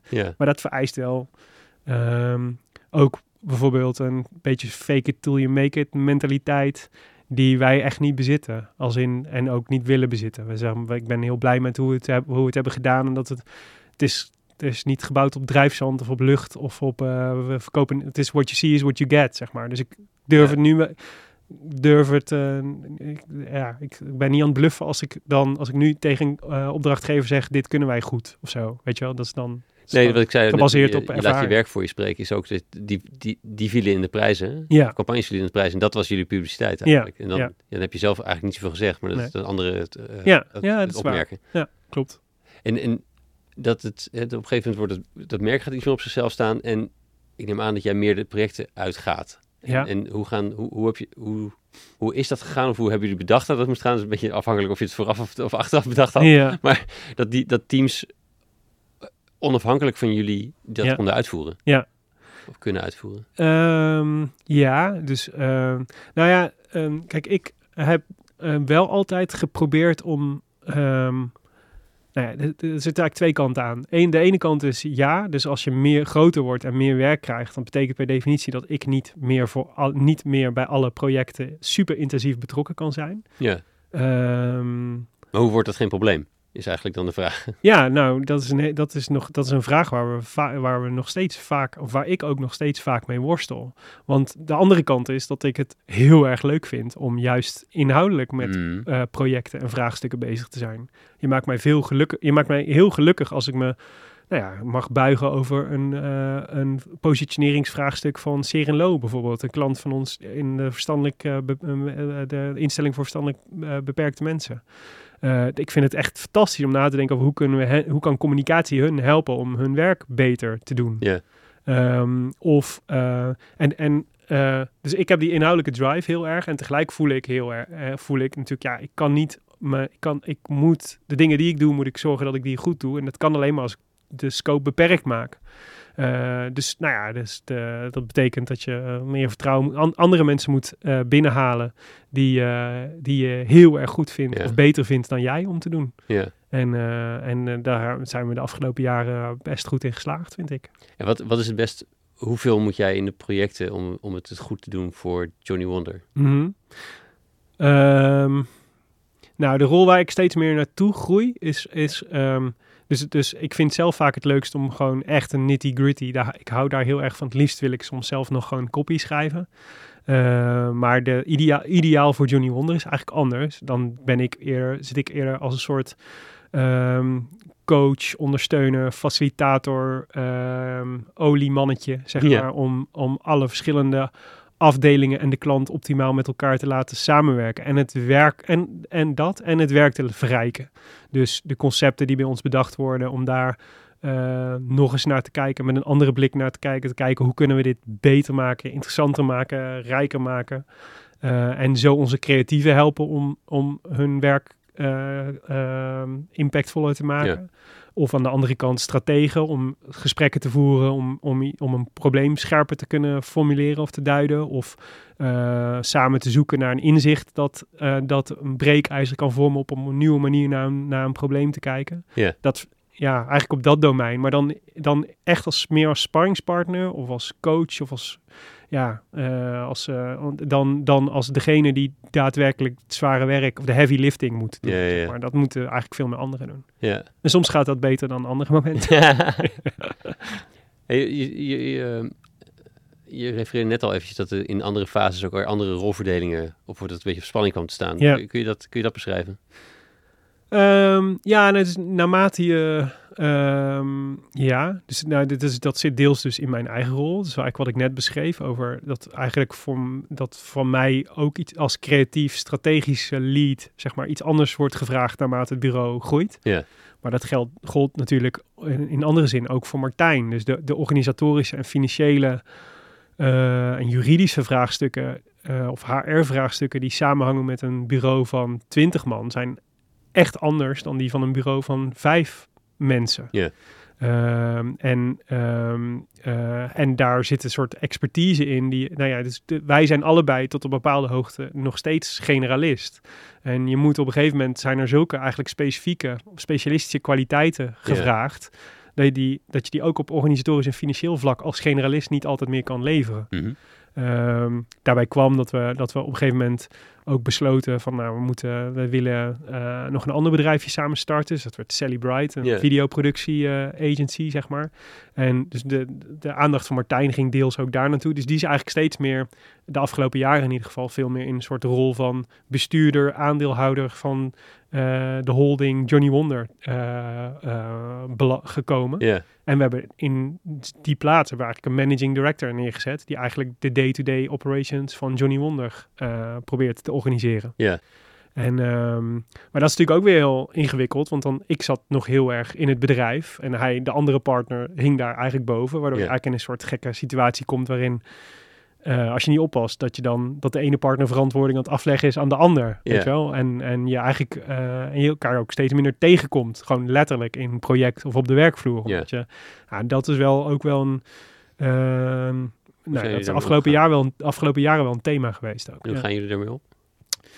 Ehm, wisselend. Soms, eh, eh, we, we constateren in ieder geval allebei dat het een, eh, dat, dat een ding is. Ik denk dat we wel vrij goed over die dynamiek kunnen praten ook. Maar het is, ja, het is, het is gewoon een, het is niet, er is niet een, een kant-en-klare oplossing. Net als voor heel veel dingen in het, in het ondernemerschap kun je vaak zitten, of in het bouwen van zo'n bedrijf zit wel vaak dat ehm, je kunt de analyse kun je vaak vrij scherp maken. Uh, maar de, de, de praktijk is vaak zo weer barstig dat het best ingewikkeld is om dan ook om gevolg te geven aan die analyse. Of nou dan echt dingen, gewoon structureel dingen te kunnen veranderen. En um, nou, daar, hebben we soms wel, daar hebben we soms wel moeite. Sommige dingen gaan daarin heel goed en andere uh, minder. Maar ik heb wel het idee dat er een soort langzaam stijgende lijn in zit. Hoe we, daar, hoe, we, hoe, hoe we elkaar ook daar weer goed in vinden. Want hij is dus zo goed als, uh, dus niet meer in het bedrijf zit hij. Nee, nee, ja, dus, dus uh, hij doet af en toe nog uh, klu wel zeg maar klussen voor Johnny Wonder, die dan specifiek op zijn domein heel makkelijk uitkomen. Ja. maar we hebben gewoon een managing director die eigenlijk de day-to-day -day dingen runt. Dus een day-to-day -day doet hij eigenlijk niet zo, niet zoveel meer. Nee. nee. En is het voor haar nog, is het nog, is het nog een ding dat, dat er een aandeelhouder in het bedrijf zit die er niet veel werkt?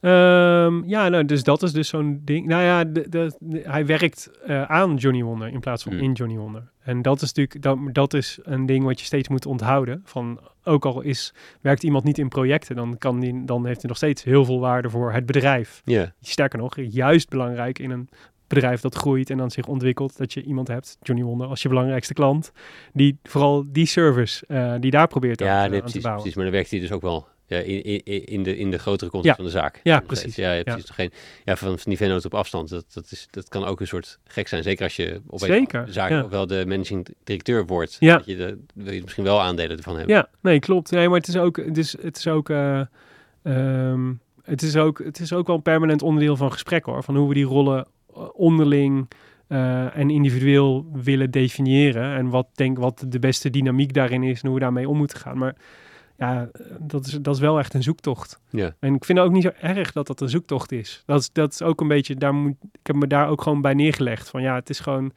eh, het, is, het, is gewoon wor, het is gewoon worstelen de hele tijd. En dat is, niet zo, dat is ook niet zo erg dat dat zo is. Dus als, zolang je maar met elkaar kunt blijven lachen en erover open over kunt blijven praten. En, eh, en eh, ja, dan, dan gaan er af en toe dingen fout. Ja, dat is dan, we, we proberen dat dan de volgende keer beter te doen. Nog steeds wisselgeld of zo. Ja, ja, nog steeds wisselgeld. Ja, en uiteindelijk, ja, nog steeds wisselgeld. En uiteindelijk natuurlijk de, eh, ehm, kijk, uiteindelijk zijn we een creatief communicatiebureau, hè. Dus het is geen hersenchirurgie. Dus het is, dus niet, het is niet dat er iemand doodgaat als, er- als, als er iets echt heel erg misgaat. Ja. Dan is hooguit een project te laat. Of, en dat is heel naar. Voor een, ik bedoel, dat wil ik liever niet. Of niet zo goed, zeg maar. Ja. Maar ja, dat is natuurlijk wat anders. Er staan geen levens op het spel bij wat wij, wat wij doen. Nee, Nee. Maar ik vind dat... dat de, ehm, eh, je moet, dat, dat relati- relativeert de boel wel. Ik doe nog steeds net zo hard mijn best hoor. Eh, maar het is wel, het is fijn als, als backup gedachte als je het te groot maakt voor jezelf. Ja. Vraagstukken. Ja. Ja, een soort nietigheid in het, eh, in Ja. het grotere geheel. Ja. Hm. Hey, hoe, hoe zie jij, en misschien ook Martijn, maar die, die, die kan ik het nu niet vragen, maar de, de, jullie zelf gespiegeld in het bedrijf wat je hebt neergezet, in, in de Ja. cultuur van het bedrijf? Mhm. Ehm, eh, ja, eh, eh, lastige, lastige vraag. Ik denk, ehm, nou, ik denk dus mezelf, laat ik voor mezelf spreken, dat is denk ik het makkelijkst. Maar misschien, Martijn en ik lijken in dat opzicht best veel op elkaar. Nou, ik denk, ehm, waar we het in het begin van het gesprek al over hadden, dus die interesse in maatschappelijke vraagstukken, die zit natuurlijk, die zit heel erg in het bedrijf. Dus de type klanten waar wij voor werken, dat zijn allemaal organisaties die op enige wijze een ehm, eh, ro- rondom maatschappelijke debatten spelers zijn. Dus of dat, dat nou gaat over duurzaamheid of over mobiliteit of over wonen of over zorg of wat dan ook. Ja. Dat zijn gewoon eenmaal maatschappelijke thema's die wij heel interessant vinden. En we zoeken opdrachtgevers die, daar, die in die domeinen eh, spelen. Ehm, de andere kant is, nou ja, wat ik zei, mijn- mijn, eh, mijn kracht zit heel erg in, in, eh, in die maatschappelijke thema's proberen om soort vast te grijpen en daar iets van, daar, daar communicatie van te maken en, en creatieve dingen mee te doen, zeg maar. Ja, dat is, dat is de core business van wat Johnny Wonder is geworden. Ja, Eh, en ik denk dat in het type mensen dat we zoeken, dat die over het algemeen daar heel erg bij aanhaken. Dus bijna iedereen die bij ons komt werken, die begint in zijn sollicitatiegesprek over... ik wil heel graag werken bij een, bij een bureau dat eh, met haar opdrachtgevers bijdraagt aan een iets interessantere of betere, mooiere wereld. ja, Eh, en dat hoeft niet per se bij, eh, dat betekenen dat, je al, dat het altijd NGO's zijn, zeg maar. nee, precies. Maar dit, dat je bezig bent met maatschappelijke vraagstukken en, en, en raakt aan actualiteit, zeg maar, dat, dat vinden mensen wel fijn en belangrijk. ja. Eh, en daarbinnen vette projecten kunt doen. En ook de... mm, is ook kwaliteiten vaak ook een, een soort spiegelbeeld. Een, een extreem wat, of, wat, of een allergie eh, wat daar zit. Is, eh, denk je dat er ook de, de valkuilen van jouw kwaliteiten ook terugkomen in het bedrijf? Of- Ja, zeker. Ja, ja nee, zeker. Nee, dit is het. ehm eh, er is een hele grote valkuil. Kijk, ehm eh, hele grote valkuil is dat ik eh, mijn, mijn brede interesse en de brede interesse van het bureau. Dus dat we eigenlijk willen we elk project weer iets nieuws bedenken. Ja, Eh, dus, ik, nou ja, dus ik refereerde net aan die Onsport, die WhatsApp-thriller die Ja. we hebben gedaan. Die hebben we voor NS gemaakt. Nou, daarna komen dan vijf mensen vijf ook. opdrachtgevers die, die zeggen, wij willen dit ook. We willen letterlijk dit ook. Eh, en wij denken dan eigenlijk, ja, maar hebben we al gedaan. Dat is niet interessant. en we kunnen beter iets anders bedenken. Maar door, en dat is natuurlijk, dat is omdat, dat vind ik ook, dat vind ik ook leuk. Ik vind het ook leuk om telkens iets nieuws te doen. Maar business-wise is het natuurlijk heel stom. Want business-wise kun je beter zeggen, ja, we hebben dit nu, we hebben nu al het leergeld betaald om dit één keer heel goed te doen. Waarom, als we nu vijf nog een keer maken, dan kunnen we tenminste ook nog een beetje geld aan verdienen. ja, ja. Waardoor misschien weer ruimte ontstaat om nieuwe dingen eh, Ja. te ontwikkelen. En die, ehm, de, de, eh, en dat, die, dat wordt, eh, de, de, dus, dus dat, ehm, eh, dat, we, dat ik zoveel interessant vind, dat vertaalt zich ook wel in het brede productportfolio van Johnny Wonder als geheel. Wat het echt wel moeilijk maakt om. Nou ja, ik heb echt wel te doen met onze projectmanagers. Want die moeten steeds eigenlijk from scratch moeten ze dan weer. Oh, wat gaan we nu doen? Oh, dat heb ik ook nog nooit gedaan. Nee, ja, dus dan moeten we het helemaal vanuit niks moeten we eigenlijk Ja. weer iets nieuws gaan bouwen. En, eh, en dat is natuurlijk moeilijker. Het is echt moeilijker werk dan dat je eh, een, een trucje honderd keer herhaalt. Ja. Eh, en dat zit wel heel erg, nou ja, dat zit wel heel erg in de founders en misschien nog wel het meest in mij. Van ja, ik ben gewoon, eh, ik wil gewoon steeds nieuwe dingen maken. Ja. Nou, Ja. Dat is moeilijk. En een, eh, in een, dat, dat verhoudt zich slecht tot een bureau dat daarnaast gewoon eh, structureel langzaam structureel wil groeien, winst wil maken. En ja, dat is gewoon moeilijk te ver- verenigen. ja. En hoe, hoe, hoe ga je ermee om dan? Acceptatie, Acceptatie. acceptatie. Je wordt ook ouder. Ja, ik ja. hoor het al. Ehm, nee, nou ja, deels is het. eh, nee, dus de, de- deels is het dus gewoon. Is het, deels is het acceptatie. Ja. En deels is het ook ehm, eh, wel zien van ja, dit is, niet, dit is niet op alle domeinen houdbaar. Dus ehm, eh, ik denk dat ik wel geleerd heb dat, ik, dat het niet altijd erg is om gewoon eenzelfde type oplossing te pakken voor eenzelfde type probleem. Ja. Eh, want dat maakt het werk makkelijker. En dat, soms is het makkelijk ook best leuk, zeg maar. Eh, ik denk dat het ook heel erg zit in dat je probeert om andere manieren te vinden om het bedrijf dan ehm, stabieler te maken. Dus bijvoorbeeld door. ehm, kijk, een bureau is eigenlijk per definitie een urenfabriek. Als in van je verkoopt gewoon de uren van de mensen voor meer geld dan je ze hebt ingekocht. Ja. Eh, en soms heb je geluk dat je ergens een mar- betere marge oppakt of weet ik veel wat. Maar doorgaans gaat het vooral om die uren. Ja. Eh, maar bijvoorbeeld in, om- door na te denken over eh, nou ja, andere businessmodellen die je ernaast zet. Dus bijvoorbeeld Sally Bright, ons videoproductiebedrijf, dat is ook ontstaan omdat we dachten, ja, dan da- daar kunnen we een ander businessmodel in, in proberen. Dat wellicht soort voor een soort stabielere basis kan zorgen voor, voor de rest ook. We hebben voor, we hebben, omdat we zoveel met social doen, hebben we onze eigen tooling ontwikkeld. Wat eigenlijk een soort ja, een hele goede software is geworden. Waar we nu aan het kijken zijn, moeten we daar niet een soort software as a service van bouwen. Zodat we eigenlijk social KPI's op bestelling kunnen, kunnen leveren. Eh, waarmee je weer veel meer aan een soort abonnementsmodel gaat zitten. Weet je wel? Zodat je ook op andere manieren. Dus ja, daar zit het eigenlijk in. Ehm, eh, zonder dan de vrijheid te verliezen om gewoon wel steeds vernieuwend en origineel en nieuw te blijven. Want dat is ook, ja, dat is ook waar ik lekker op ga. En wat heel veel mensen bij ons ook gewoon heel erg leuk vinden. Dus het is eigenlijk de spanning om het om te accepteren dat je niet in elk inhoudelijk project Mhm. compleet vernieuwend kan zijn of hoeft te zijn. Ja. Waardoor je ook weer ja, geld, capaciteit, net als die grote opdrachten Ja. bijspeelt om weer iets nieuws te kunnen bouwen Ja. voor het bedrijf. Zeker, ja. Ja, en ook andere dingen te kunnen financieren. Dus uh, training en opleiding voor mensen of uh, salarisverhogingen. Of uh, ja, ik bedoel, uh, dat... Zullen dat ze nou weer weer een vraag, ja? ja, nee, maar ja, dat, ja, dat soort dingen. Die, daar heb je ook, daar moet je ook, daar heeft dat natuurlijk ook mee te maken. Dus Ja. het is, dus het, um, uh, ik moet daar, ik moet mezelf echt dwingen om wat daarin wat vaker als een ondernemer te denken. Um, en minder als de, de creatieve strateeg die, uh, die, hele leuk, die vooral hele leuke dingen wil doen. Zeg maar. Daar is het bedrijf te groot. Het bedrijf is te groot geworden om, om, uh, om, uh, om het te speel, om het te, dat het alleen maar een speeltuin is. Het moet wel een goed gerunde speeltuin zijn. Ja. Vind je dat soms jammer? Dat het niet meer gewoon een speeltuin mag zijn? Um, ja, ja, dat vind ik soms wel jammer. Ja. Ja. ja. Ja, nee, ja, dat is soms wel jammer. De andere kant heeft ook voordelen. Ja, ja, zeker. Ja, het is zeker, ook heel maar- prettig om in een geoliede machine te werken. Dat is heerlijk. Maar uh, nee, um, uh, nee, ik vind dat, vind dat soms wel moeilijk. Hmm. Ja, zeker. Is, de, is de, de, de, de, de drive om dingetjes ernaast te Hmm. doen, om weer iets nieuws te verzinnen. Ik weet, je hebt me ooit, dit is denk ik, ik weet niet hoeveel jaar, het zal wel acht jaar zijn of zo, maar dat, Ja. je, dat je zei dat je iets met, eh, met, met sportrepen ging beginnen. Oh ja. ook nog op een blauwe maandag. Maar er zitten heel veel van dit soort nevenprojectjes Zeker. af en toe bij natuurlijk. Nee, de, Ja. gro- de grootste van de afgelopen jaar is denk ik de, de podcast geweest, de Rode Lantaarn. Ja. Ehm, is het, ontstaat dat ook een beetje uit, ik wil gewoon de hele tijd nieuwe dingen doen? Is dat echt Ja. voedings, voedingsbodem?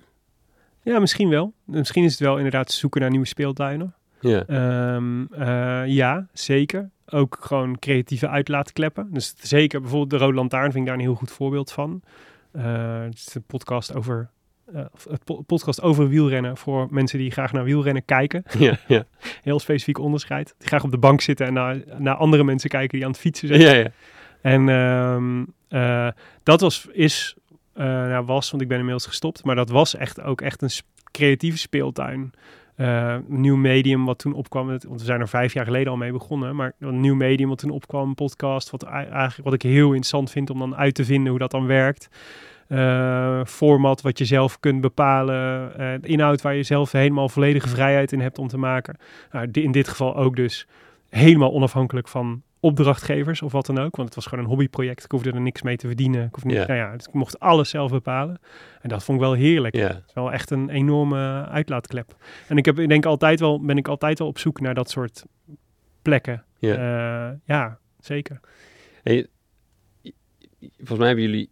Ja, ik ben- heel veel benieuwd hoe jullie dit hebben aangepakt. Dat, dat, dat, dat zal de luisteraar misschien vergeven, omdat ik het interessant vind. Maar ehm, wat, wat waren jullie in die tijd? Net, wat is het, 2016 uit mijn hoofd. Mhm. Eh, wat, wat waren toen jullie een beetje de inspiratoren? Dus de, inspi- de andere shows waar jullie inspiratie uitputten? Om, Van de Rode Lantaarn? ja, Oh, ehm, nou, er was nog niet zoveel.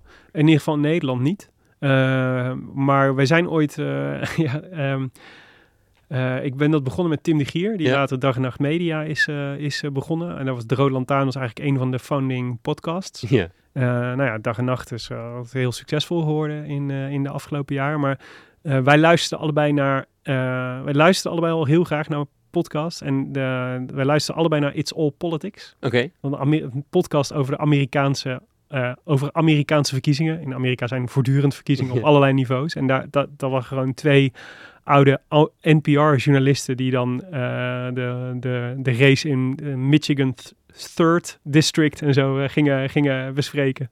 En dat op een hele leuke manier deden, maar er ook elke week waren. En een soort, voor mij ook als een soort huisvriend voelde. En, eh, en dat voor het eerst dat ik echt dacht, eh, hier zit iets met die podcast. Toen, ik, toen zij aankondigde te stoppen en ik echt een dag lang verdrietig was daarover. toen dacht ik, en dit is niet per se gezond. En kennelijk hebben ze een snaar geraakt bij mij. En zijn ze, heb ik, en dat ik me later ontdekt dat dat parasociale vriendschap heet. Eh, en dit, eh, dit effect. En wat we later in de Rode Lantaarn en masse hebben toegepast. ja, ja, ja. Maar ehm, eh, ja, dus in Amerika had je wel wat dingetjes, maar in Nederland waren wij wel echt een van de eerste die echt serieus aan de slag gingen. En wij waren helemaal voor aan de golf, dus daar hebben we heel veel van geprofiteerd. ja. Nu, als je nu begint, is het veel moeilijker om een luisteraarspubliek op te bouwen, maar toen ging dat eigenlijk vrij snel. Ja, Ja, je had natuurlijk een, een, een niche te pakken, en je, maar jullie gingen ook gelijk vol ervoor. Door dagelijks dat te doen, zeg maar. Ja. Ik zit hier een beetje om de week. ja. nou, dat, ja, dat- ja, dat is natuurlijk ook, eh, dat was eh, de zomervakantie, Tour de France. Wij wilden dat medium leren kennen. Wij dachten, ja, de crash course is elke dag proberen een podcast te maken en kijken hoe ver het ons brengt en wat het ons brengt. Ja. En we dachten, ja, het interesseert ons eigenlijk niet of, of er mensen luisteren. Het zou leuk zijn, maar...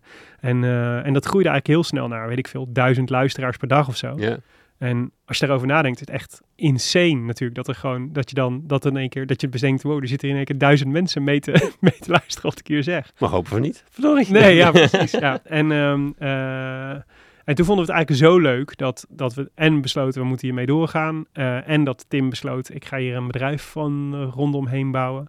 Eh, en zo groeide dat langzaam maar zeker. En toen werd eigenlijk de Rode Lantaarn werd juist eerder een soort inspiratie voor een heleboel andere podcasts. Ja. Die een beetje op dat stramien ehm, dingen zijn gaan maken. Ja, ja, ja, precies. Dat was wel heel leuk om te zien. Ja, dat is wel grappig. Ik, ik, ik, ik luister allemaal interviewpodcasts, dus wat ga ik doen? Ik ga, ik ga mensen interviewen. Ja, Eh, maar er zijn de andere soort podcasts zijn misschien ook weer de vrienden praten over. Eh, Ja. Dat is ook een soort genre. Zeg maar. Ik dacht misschien dat jullie dat al wel gezien bij dingen. Ehm, Nou, nee, nee, niet echt. Ik denk dat we daar... Ja, ik zit nu te denken. Nee, ik denk eerlijk gezegd dat we daar best wel een van de eerste waren. Maar ik denk dat...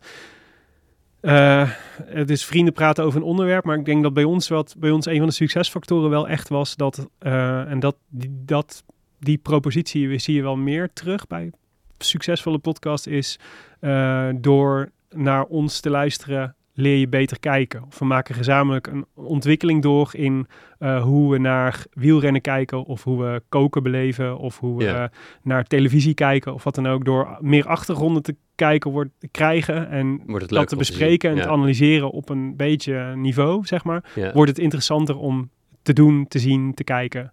Eh, en dat is wel een element wat heel veel naar heel veel andere shows ook is gegaan. Ja. Waar heel veel dag en nacht media shows bijvoorbeeld op dat stramien zijn gebouwd. Ja, ja, ja, precies. Nu- een, een ander ding wat me, eh, wa- waar ik niet helemaal bij kan met mijn hoofd, is, Ja. is hoe jullie in godesnaam elke dag iets opnemen. En dat ook online zetten. eh, et Ja. ja hoe, hoe, hoe zag die productie er zo uit, zeg maar, dat het, dat het ging? En zeker later, Ja, toen jullie dat nou, nou, een stuk professioneler zijn gaan doen, dan, Mhm. dan gewoon de eerste aan de keukentafel. ja. Eh, hoe zag Ja. dat eruit? Nou ja, het belangrijkste is natuurlijk dat ehm, dat het super leuk was om te doen. Dus het Hmm. voelde voor mij eh, niet nooit als werk. Het is gewoon een hobby. Eh, en, en, en een hobby die een andere hobby versterkt. Namelijk wielrennen kijken deed ik sowieso al wel.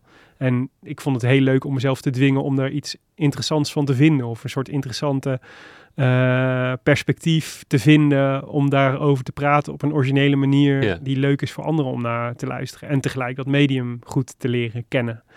Ehm, En, maar dan heb je nog steeds de, de uitdaging dat je en opeens heel veel moet kijken. Je Ja. moet elke dag opnemen. ja, En, en die, die tijd die dat dagelijks gaat kosten, waar, Ja. waar ja. die, die gaat of Nou ja, ten dat koste van gezin of van werk. Ja, nou, dus, de, de, de, dus dat da echt het dagelijks opnemen, dat hebben we eigenlijk alleen de eerste Tour de France gedaan. En dat was ook wel echt een verzoeking, moet ik zeggen. Op heel veel niet bij mijn, mijn vriendin heel dankbaar dat hij dat heeft mede heeft gefaciliteerd.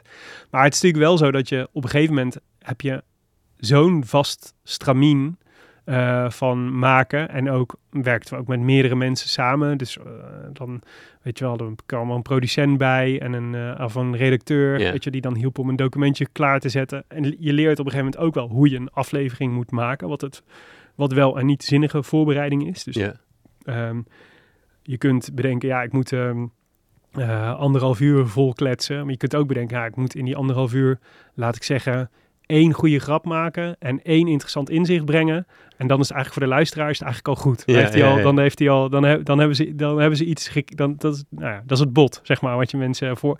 En dan valt het wel mee. Ja. Eh, als je dat hebt, dan is het dan. Dus een ander bod dan, ik moet anderhalf uur interessant zijn.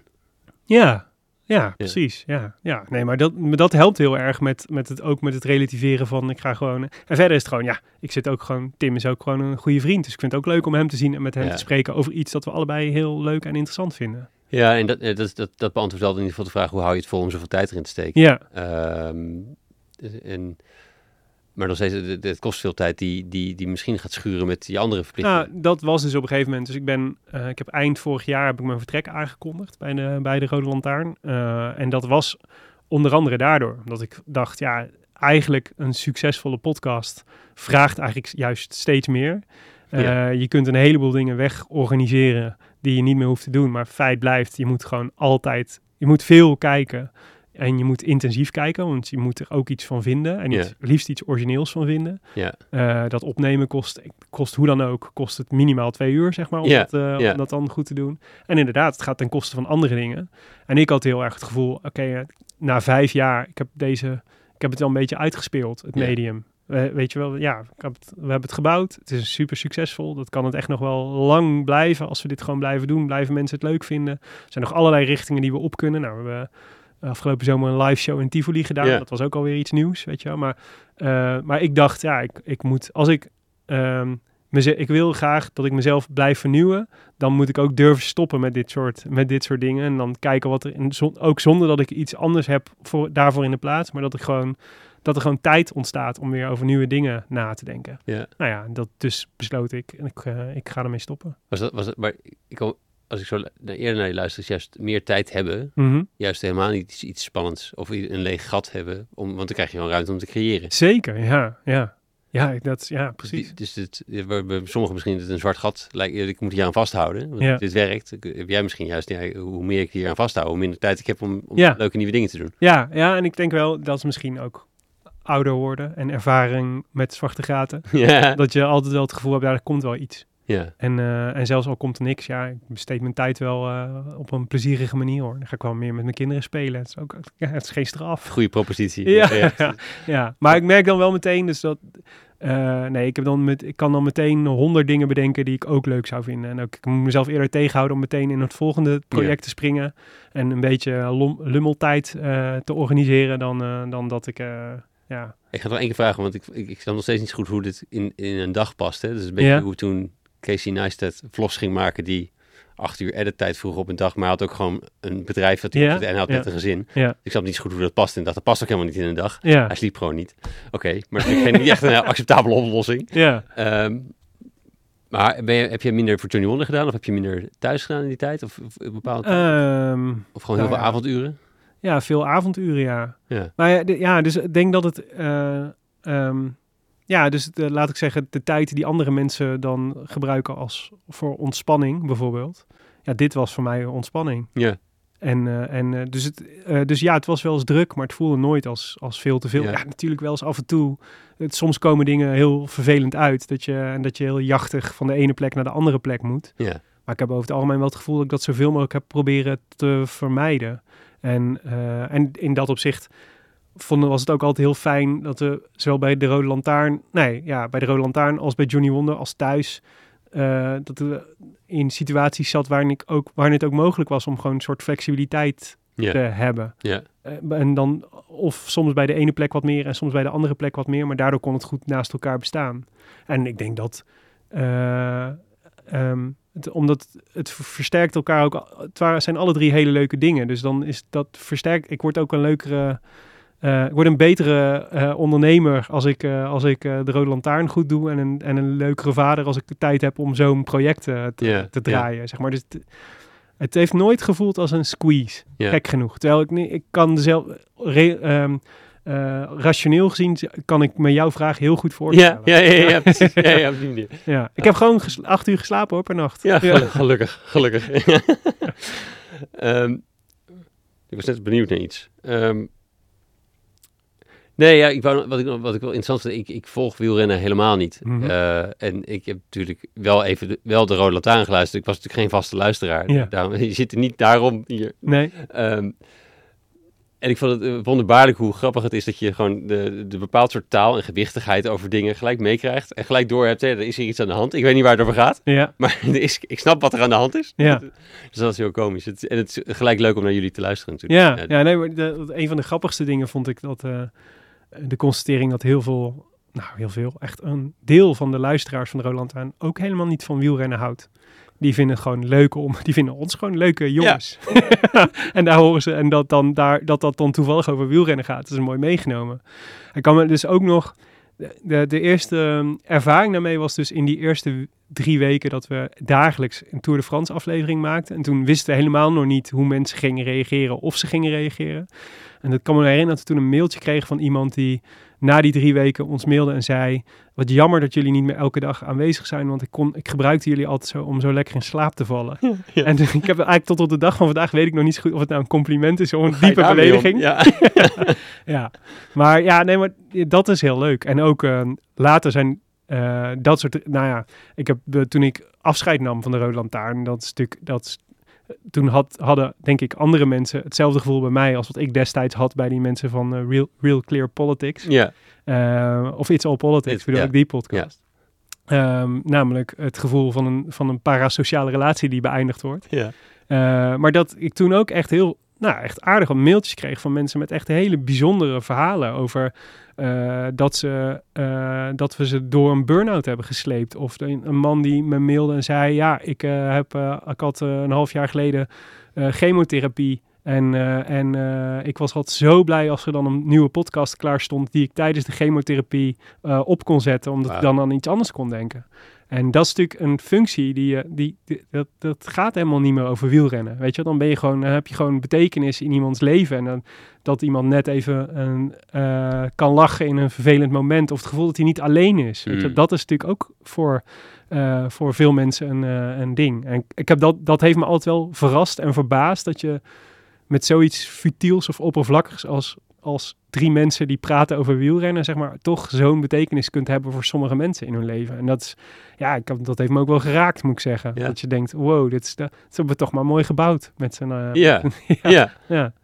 Ja, het, is ook, het spreekt ook naar je. eh, Het zegt ook iets over jouw persoonlijkheid of over jouw manier van zijn. Dat je zo, eh, dat je zo nederig positief en Mhm. je kan, is grappig, je kan nederig superlatief zijn of zo. Dat je heel, Nederig wat? Sorry? je, je praat soms in superlatieven. oh ja, ja. Ver- verbluffend goed gedaan. ja. Nou, heel rustig zeg je het. maar je hebt ook altijd... Is dit een andere manier om te zeggen dat ik heel arrogant ben? Nee, juist niet. Ja, het is, heel het- goed. het is, eh, het is- alleen als het, als het gepast is of zo. Ja, ik weet niet. het- Hmm. Ik, ik waarschuwde je vooraf dat ik niet op de goede woorden kon komen. Maar dat- Oh ja. Eh, en je zou me erbij helpen. weer. Ja, sorry. nee. sorry. Ehm, eh, maar ja, als ik een compliment geef over jezelf, is het me lastig om me daarbij te gaan helpen. Dat snap ik ook wel. Ja.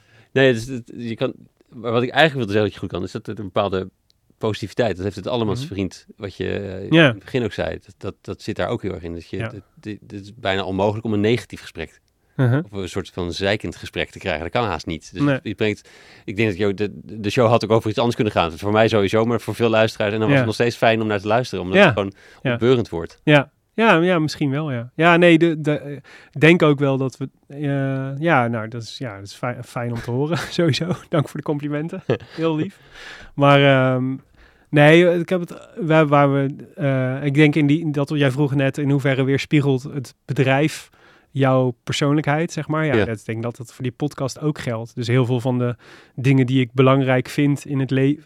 Ja, eh, ik zeg, ik citeer zowel in de opvoeding van mijn kinderen als in de podcast. eh, hebben- heb ik heel vaak de, citeer ik heel vaak mijn oma, die altijd zei: Als je niks aardigs te zeggen hebt, dan zeg je maar niks. Ja. En, eh, en dat hebben we heel lang bij de Rode Lantaarn ook als soort adagium gebruikt, waardoor het heel positief en, en vriendelijk en optimistisch en niet, niet naar, trapperig, vervelend, weet je, cynisch of wat dan ook. Dat, dat is altijd gemaakt uit liefde voor, liefde voor de sport. En ik geloof dat mensen dat heel erg, eh, dat je dat dan heel erg voelt. Van dan is het heel fijn om daarbij aan te sluiten, of je nou van die sport houdt of niet. Maar het is gewoon altijd leuk om mensen optimistisch, vrolijk, eh, bewonderend ehm, eh, te horen praten over een onderwerp. Weet je, passie is super aantrekkelijk. Ja. Het is niet voor niks, Ja. weet je, dat, op Tinder zijn mensen ook altijd op zoek naar iemand die ergens passie voor heeft. Liefst niet voor sportvissen. Wat Maar weet wel- jij er nou van? ja, nee, ja, dat hoor ik dan van mijn vrienden die wel eens op Tinder zitten. Ja.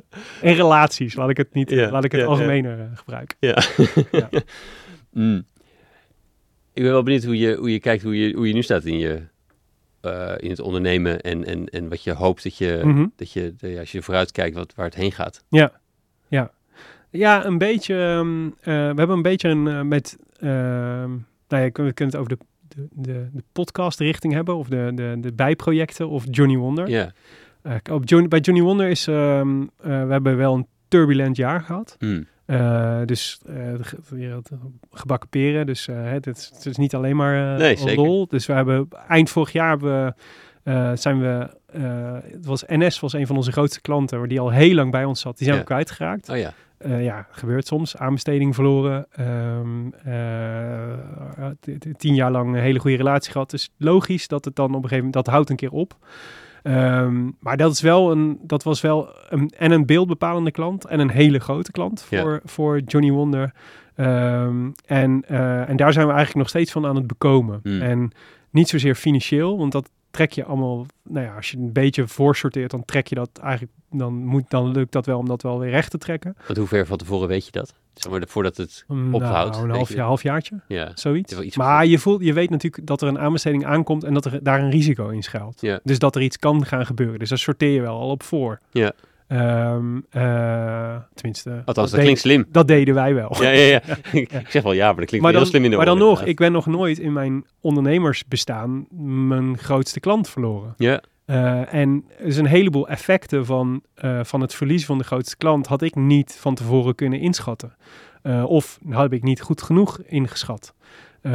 Weet je wat het doet met de, de motivatie van het team? Of wat het betekent als een, een, een klant die ook heel veel ehm, maken vraagt, dus gewoon creëren vraagt, wegvalt en, en je dus een deel van je maakcultuur kwijtraakt. Eh, wat het doet met de motivatie van een, ook van een team als er mensen vertrekken, of je team inkrimpt. En niet omdat ze zelf allemaal leuke dingen gevonden hebben, maar nu opeens ook echt moet. Ja, of een combinatie van die, van die twee dingen was Ja. het in dit geval. Maar dat, weet je wel, eh, dat eh, andere klanten daardoor belangrijk wo- worden. ehm, eh, en wat dat dan weer betekent voor, je, voor je team. wat het betekent als je team kleiner wordt en jij was als eigenaar eigenlijk net een beweging aan het maken om er wat meer uit te stappen. Ehm, of, eh, nou, ik noemde net over die, die, die, die ehm, eh, wat het fijne van NS was bijvoorbeeld, was gewoon een vast bedrag per maand. En daar Ja. krijg je, als die zekerheid wegvalt en, het, en je belandt weer in een fase waarin je vooral van project naar project werkt. En, en je dus veel meer hoge pieken en dalen hebt Ja. in de belasting van een bedrijf. Nou, heel veel van die dingen hadden we wel soort van geïdentificeerd als dat zou, dat zullen dingen zijn waar we iets mee moeten. Maar ja, die slaan, pas als ze echt neerslaan, voel je pas hoe, het, hoe dat is. Laat staan hoe je bijvoorbeeld in zo'n, eh, als je je grootste klant verliest, een soort optimisme vasthoudt in een, eh, in een, eh, in, in een bureau, weet je wel. Van, en nou ja, de- ehm, dat, is, dat is echt het thema in ieder geval van de afgelopen, laten we zeggen, negen maanden geweest. En dat Mm. was echt niet altijd leuk. En ook heel, best wel ingewikkeld, vond ik. Eh, en ook wel, een, eh, wel, eh, wel dat ook bij jezelf als ondernemer weer en ehm, eh, eh, soms het beste in je naar boven haalt. Want het, je wordt gedwongen om daar om, nou ja, je, je ontgint nieuw terrein. Dus je, het is- je leert ook heel veel. Het is heel, het is heel, nou ja, bijvoorbeeld eh, inkrimpen is heel naar. Want het betekent dat er mensen weggaan, zeg maar. Maar tegelijk ehm, eh, ook in het, zelfs in het voeren van, eh, van je eerste echte, laten we zeggen, gedwongen exit gesprekken zit wel iets emancipatoires. Als in je, je, eh, zegt, je leert ook altijd iets over jezelf. En, je, en het is soms een, en het is vervelend om te doen, maar daarmee want ik kan daar echt heel erg tegen opzien. Maar je voelt wel, oh ja, nou, ik heb dit denk ik goed, redelijk goed gedaan. En nou, kun, daar kun ik wel weer op bouwen. De volgende keer zou dit, zou dit makkelijker kunnen. Ehm, eh, dus het is, ook een, het is ook een periode waarin je heel veel leert over jezelf, maar Ja. ook waar heel veel zekerheden wegvallen. Dus ik, en ik zit daar, nou ja, we zitten daar redelijk middenin. En het is echt een beetje eh, ja, zoeken naar de way out. Ja. En ik denk dat we die, dat elke dag eh, die eh, voortschrijdt, zeg maar, weer dichter bij die way out komen. Alleen soms is het moeilijk te zien van, nou ja, hoe, hoe, het is nooit de rechte weg daar naartoe. Is het echt een verandering van het bedrijf? Of, of is het eigenlijk wachten tot je weer een tweede soort NS hebt om het gat op te vullen? En dat je lekker verder kan op de oude koers. zeg maar. Ja, nee, het is wel echt een fundamentele verandering van het bedrijf. Dus dat tweede zou Ja. heel fijn zijn. Dus Mhm. wat mochten er luisteraars zijn. Ja, nee, grapje. Dat, ehm, ehm, nee, het is, het is juist ook dat het je, dat is ook fijn. Dus eh, de, ehm, zo'n grootste klant die tien jaar bij je is, die is ook voor die gaat op een gegeven moment ook je identiteit bepalen. Dus. NS was zo verweven met alles wat Johnny Wonder deed. Ja. Tot de manier waarop we georganiseerd waren als bedrijf was eigenlijk vooral omdat we daarmee het makkelijkst NS konden faciliteren. En daarmee konden dan een heleboel, in dat stramien gingen een heleboel andere organisaties ook mee ja, dat je, als, je dat, als dat dan wegvalt, dan wordt dat, is, dat is ook emanciperend. Dat je eigenlijk voor weer wordt gedwongen om zelf na te denken, maar hoe willen we het zelf eigenlijk Ja. doen? Eh, en nu bijvoorbeeld in eh, ja, wel positioneringsdiscussies bijvoorbeeld over ja, waar, eh, die ook weer raken aan eh, dat enorme brede productportfolio. Van ja, waar zijn we nou echt goed in? Wat willen we nou echt heel graag doen? Wat voor type klanten willen we nou echt op welk domein eh servicen? Als we nou echt mochten kiezen, waar gaan we dan? En die discussies zijn denk ik heel gewoon heel gezond om als bedrijf regelmatig te hebben. En, eh, en, en, en nu ligt er ook heel veel urgentie om die discussie eh, te voeren en daar uitvoering aan te geven. Maar dat is een, het is lang niet altijd leuk. Het is echt veel leuker om in een bedrijf te werken waarin alles crescendo gaat. ja, ja, ja. Ja, dat is, ja. Ja, ik, ik, ik ken, ik, ik heb, voordat ik zelfstandig was, werkte ik drie jaar bij een consultiebureau. Wat van in 2010 tot 13, eh, wat, wat net, de, wat ook in de publieke sector zet, wat een beetje vertraagde klap van de crisis kreeg. Ja, Eh, wat van 45 naar 30 ging, denk ik. ja, Dus er kwamen geen nieuwe mensen bij meer bij na ja, mij. ja. Was, en dat was misschien omdat ze moesten bijkomen van de zure appel. Dat zijn zure bijsmaak voor mij. Dit maar- nooit meer. Dit nooit meer. Ja. Maar dat is wel een rare cultuur, ja. Het is veel spannender dan, eh, dan Ja. oh, weer iemand nieuws erbij. Ja, tuurlijk, want het gaat altijd En dat was, goed. ja, precies, en dat was natuurlijk eh, elf jaar lang wat wij deden. Steeds een beetje goeie, goeie, goeie, goeie. Ja. Eh, steeds iets beter werk maken, steeds niet iets meer prijzen winnen, weet je wel. Echt, echt de Johnny Wonder bouwen. Ja, en dan, eh, dan op een gegeven moment heb je, ga je, eh, doe je ja, een jasje uit. Ja, zoals dat ja, heet. precies. En dat is best eh, fris. Ja, ja, ja, precies. En, en, maar je ziet daar ook dus een soort van nieuwe heropbouw in. Of een nieuwe, kans om het... Of is dat intussen waarschijnlijk zo? Dat zal op dag één Ja. misschien zo fris gevoel, gevoeld zijn. Maar, Jawel hoor, nee, nee. Dus ik heb, ik heb altijd wel gedacht, ja, ehm, het zal misschien af en toe best een tocht door de woestijn zijn of, of zo voelen. Eh, maar we komen hier wel uit. De basis is sterk genoeg, de mensen zijn goed genoeg. eh, we hebben genoeg naam en, eh, en ehm, eh, dat is denk ik, dat, dat vertrouwen heb ik altijd wel gehad. En dat heb ik nog steeds heel erg. Heb ik eigenlijk meer gekregen naarmate als je die gesprekken verder voert. Dan ontdek je, oh wow, er zijn echt heel veel goede mensen met heel veel goede ideeën in dit bureau Ja, die ons heel goed, die, die allemaal ook nog steeds optimistisch en positief zijn en dingen willen. ja, Ehm, eh, ja, dus ik, ik ben daar, ik heb daar nooit, ehm, ik ben daar nooit over de, de, de, de opdracht ben ik nooit negatief geweest, zeg maar. mhm. Maar ja, het is wel, het is soms zijn, er zitten er wel dagen bij waarvan je denkt, oh, het is wel, het is wel veel. Want het, is wel, er zijn wel veel vraagstukken die we moeten oplossen. En, eh, en eh, eh, dan, weer, dan is, er, is er weer iets wat dan moet worden, s- moet worden opgelost, zeg maar. En eh, soms kan het... Het is, eh, het is eh, in, als alles lekker loopt, dan is het makkelijker om met gewoon incidenten te dealen dan als je al heel veel druk voelt van oh, we moeten, moeten, we moeten nu iets. En, en daarbinnen nog aan de daily business nog eh, proberen te werken. Ja, ja, ja. Ja. Je zei wel iets moois trouwens net over, over de... Je zei eerst over de, de, als jij de projecten een beetje uitgaat, dat je de rol eigenlijk is om alle, iedereen een beetje te, ehm, bij te dragen. Ja. En, dat, en dat ze, ze rijker be- bedacht Ja. hebben, misschien net slimmer, of Mhm. zonder dat je het overneemt. En Ja. je zit- speelt een beetje hetzelfde. Je laat de, dat het, omdat er zoveel slimme mensen in het bedrijf zitten, dat die ook inzicht hebben over waar het bedrijf heen moet. Ja. Dat het nog steeds jouw taak blijft. eh, maar dat het, dat het, het voeden daardoor, dat het twee kanten, op twee vlakken, het, eh, dat je elkaars vlak eh, kan beïnvloeden, kan verrijken in ieder geval. Ja, ja, dat zeg, je- eh, ja, ik denk dat je dat heel goed zegt. En, en, en dat is ook, ik ervaar dat ook zeker als. ehm, misschien is dat, is, dat vind ik dus een hele troostrijke gedachte. Dat, Ja. ik dus, dat we dus kennelijk in staat zijn geweest om een team te bouwen van mensen. Ehm, die zich ook betrokken genoeg voelen en betrokken genoeg bij Johnny Wonder eh, voelen om ehm, eh, bij te dragen aan, aan, aan, eh, aan de, de way out, zeg maar. en dat is heel erg fijn. En wat hoop je nou dat er staat als jullie bij die oase aan het eind van die woestijn die net niet komen? Ja. En zoals Die heel Fata risicovol. Morgana. Ja, precies. Ja, dan hoop je dat er Fata Morgana is. Ja. Ja. Ja, wat hoop je dat, wat, wat, wat, wat qua werk voor jezelf, qua wat voor een bedrijf, wat jullie doen, of wat, wat je, jouw rol daarin is, wat, Mhm. wat- hoe zie je dat voor je? Stel je over vijf jaar daar, daar echt bent, ik hoop waarschijnlijk al iets eerder iets goeds, maar als je, je vijf jaar is er Johnny Wonder, wat, Ja. wat is er dan gekomen? Nou, ehm, eh, toch de, de goed gerunde speeltuin, Ja, denk ik. Ja. En, eh, en ehm, eh, eh, waar, ehm, laten we zeggen, waar we over de basics, als in eh, organisatie, financiën en dat soort dingen, ge- eh, HR, geen zorgen hebben. En gewoon en, en hele vette mooie dingen maken, zoals we de afgelopen jaren hebben gedaan. Want daar haal ik het meeste plezier uit. ja, dat. En of dat dat dan met eh, vijf mensen is, of met twintig, of met zestig, of met honderd, of in een constellatie, eh, weet ik veel, eh, e- elders. Of ja, dat zal dan wel. Maar daar heb ik niet per se een beeld van. Ik wil, maar dat, daar waar je wil terug naar een, ik wil terug naar een situatie waarin ik de meeste tijd bezig ben met de dingen die ik echt heel erg leuk vind. ja, Ja. ja. Ja, ja, in plaats van crisismanagement. Ja, ja. En, dat, en zelfs in tijden van de zwa- het zwaarste crisismanagement doe ik nog hele leuke dingen. Dus het is ook, het is geen, eh, het is niet, het is geen ramp. Maar het is, je wil meer dan, eh, je wil, je wil daar, crisismanagement is nooit goed, zeg maar. Ja, ja, Daar word je nooit vrolijk van. Ja, ja. Tenminste, ik ken niemand die daar echt vrolijk van wordt. Hey, een beetje afsluitende vraag voordat we gaan naar afsluiting gaan. Ja.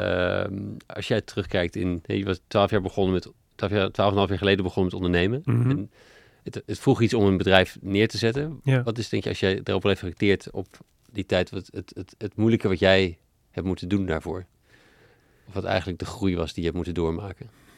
Ehm, ehm, nou, eh, ja, dat is een, het is wel een hele concluderende. Eh, de, de, eh, ik denk dat ik heb moeten leren. Nou, eigenlijk wat, wat jij zei over hoe vertaalt. hoe is de, het bedrijf de spiegel van mij?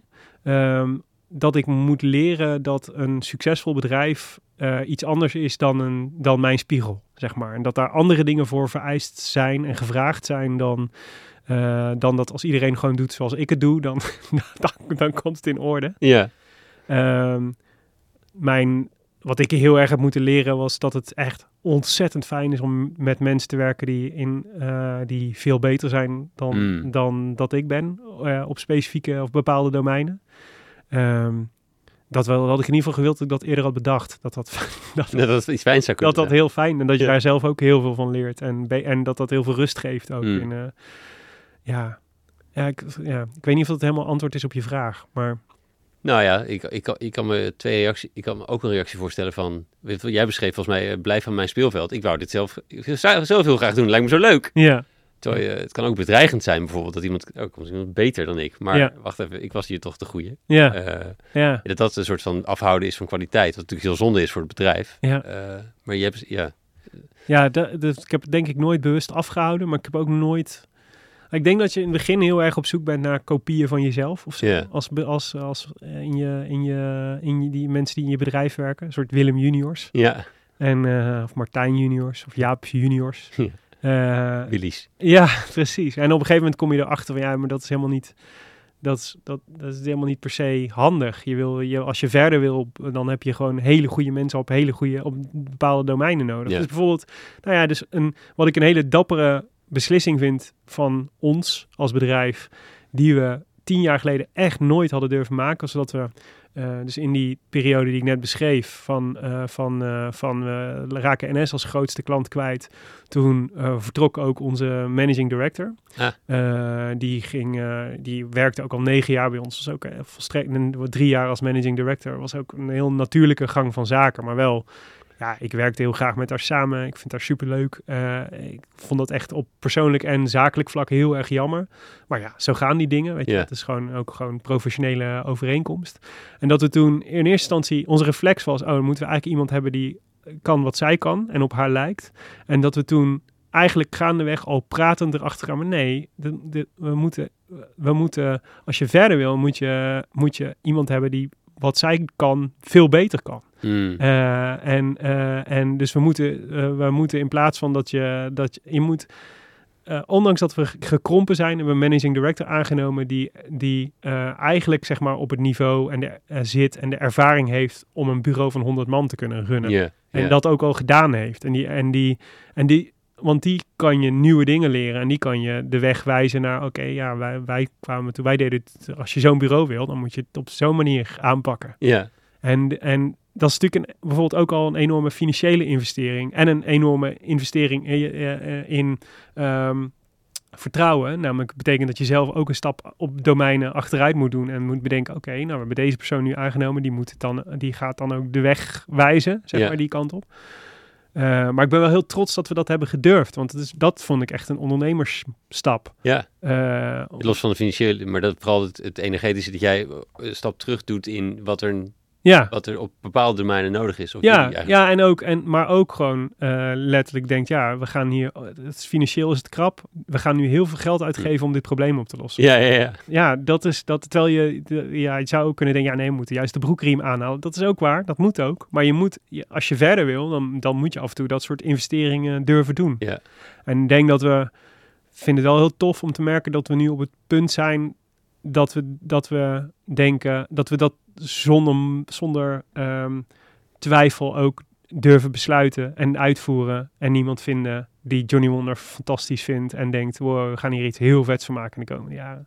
Ja. Daar word ik wel blij van. Ja. Ja. Mooi. Ja.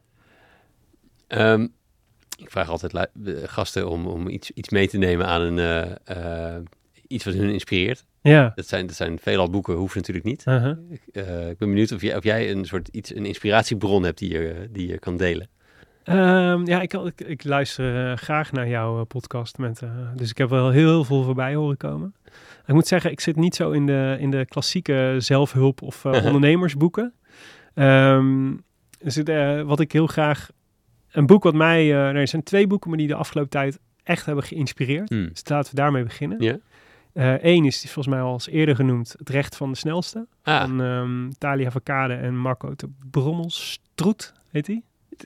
we, gaan het even voor, eh, Ja? opzoeken, maar het zal zo. Ja? En dat gaat over eh, de positie van de auto in de inrichting van onze eh, samenleving. Ja. En hoe dominant, eh, hoe dominant die eigenlijk is in het ontwerp van onze leefruimte. Eh, en dat we dat eigenlijk als, voor, als vanzelfsprekend ervaren welke ruimte we auto's bieden. Eh, terwijl dat natuurlijk eigenlijk gewoon een politieke keuze is die we met elkaar hebben gemaakt. Die we ook anders zouden kunnen besluiten. Eh, en dat boek heeft, waarom ik dat zo goed vind, omdat dat boek heeft me echt anders leren kijken naar de Mm. openbare ruimte. Ehm, eh, dus ik kan niet meer over straat lopen zonder aan dat boek te denken of aan onderdelen van dat boek te Ja, denken. ja, ja, En te kijken waarom, waarom is deze kruising zo? Waarom zijn hier parkeerplaatsen in plaats van een speelplaats? Ja. Waarom, eh, is deze, waarom rijdt deze persoon met zijn auto naar de school van mijn kinderen? Terwijl daar allemaal kinderen aan het fietsen zijn. Het levensgevaarlijk is als je daar met een auto naartoe gaat.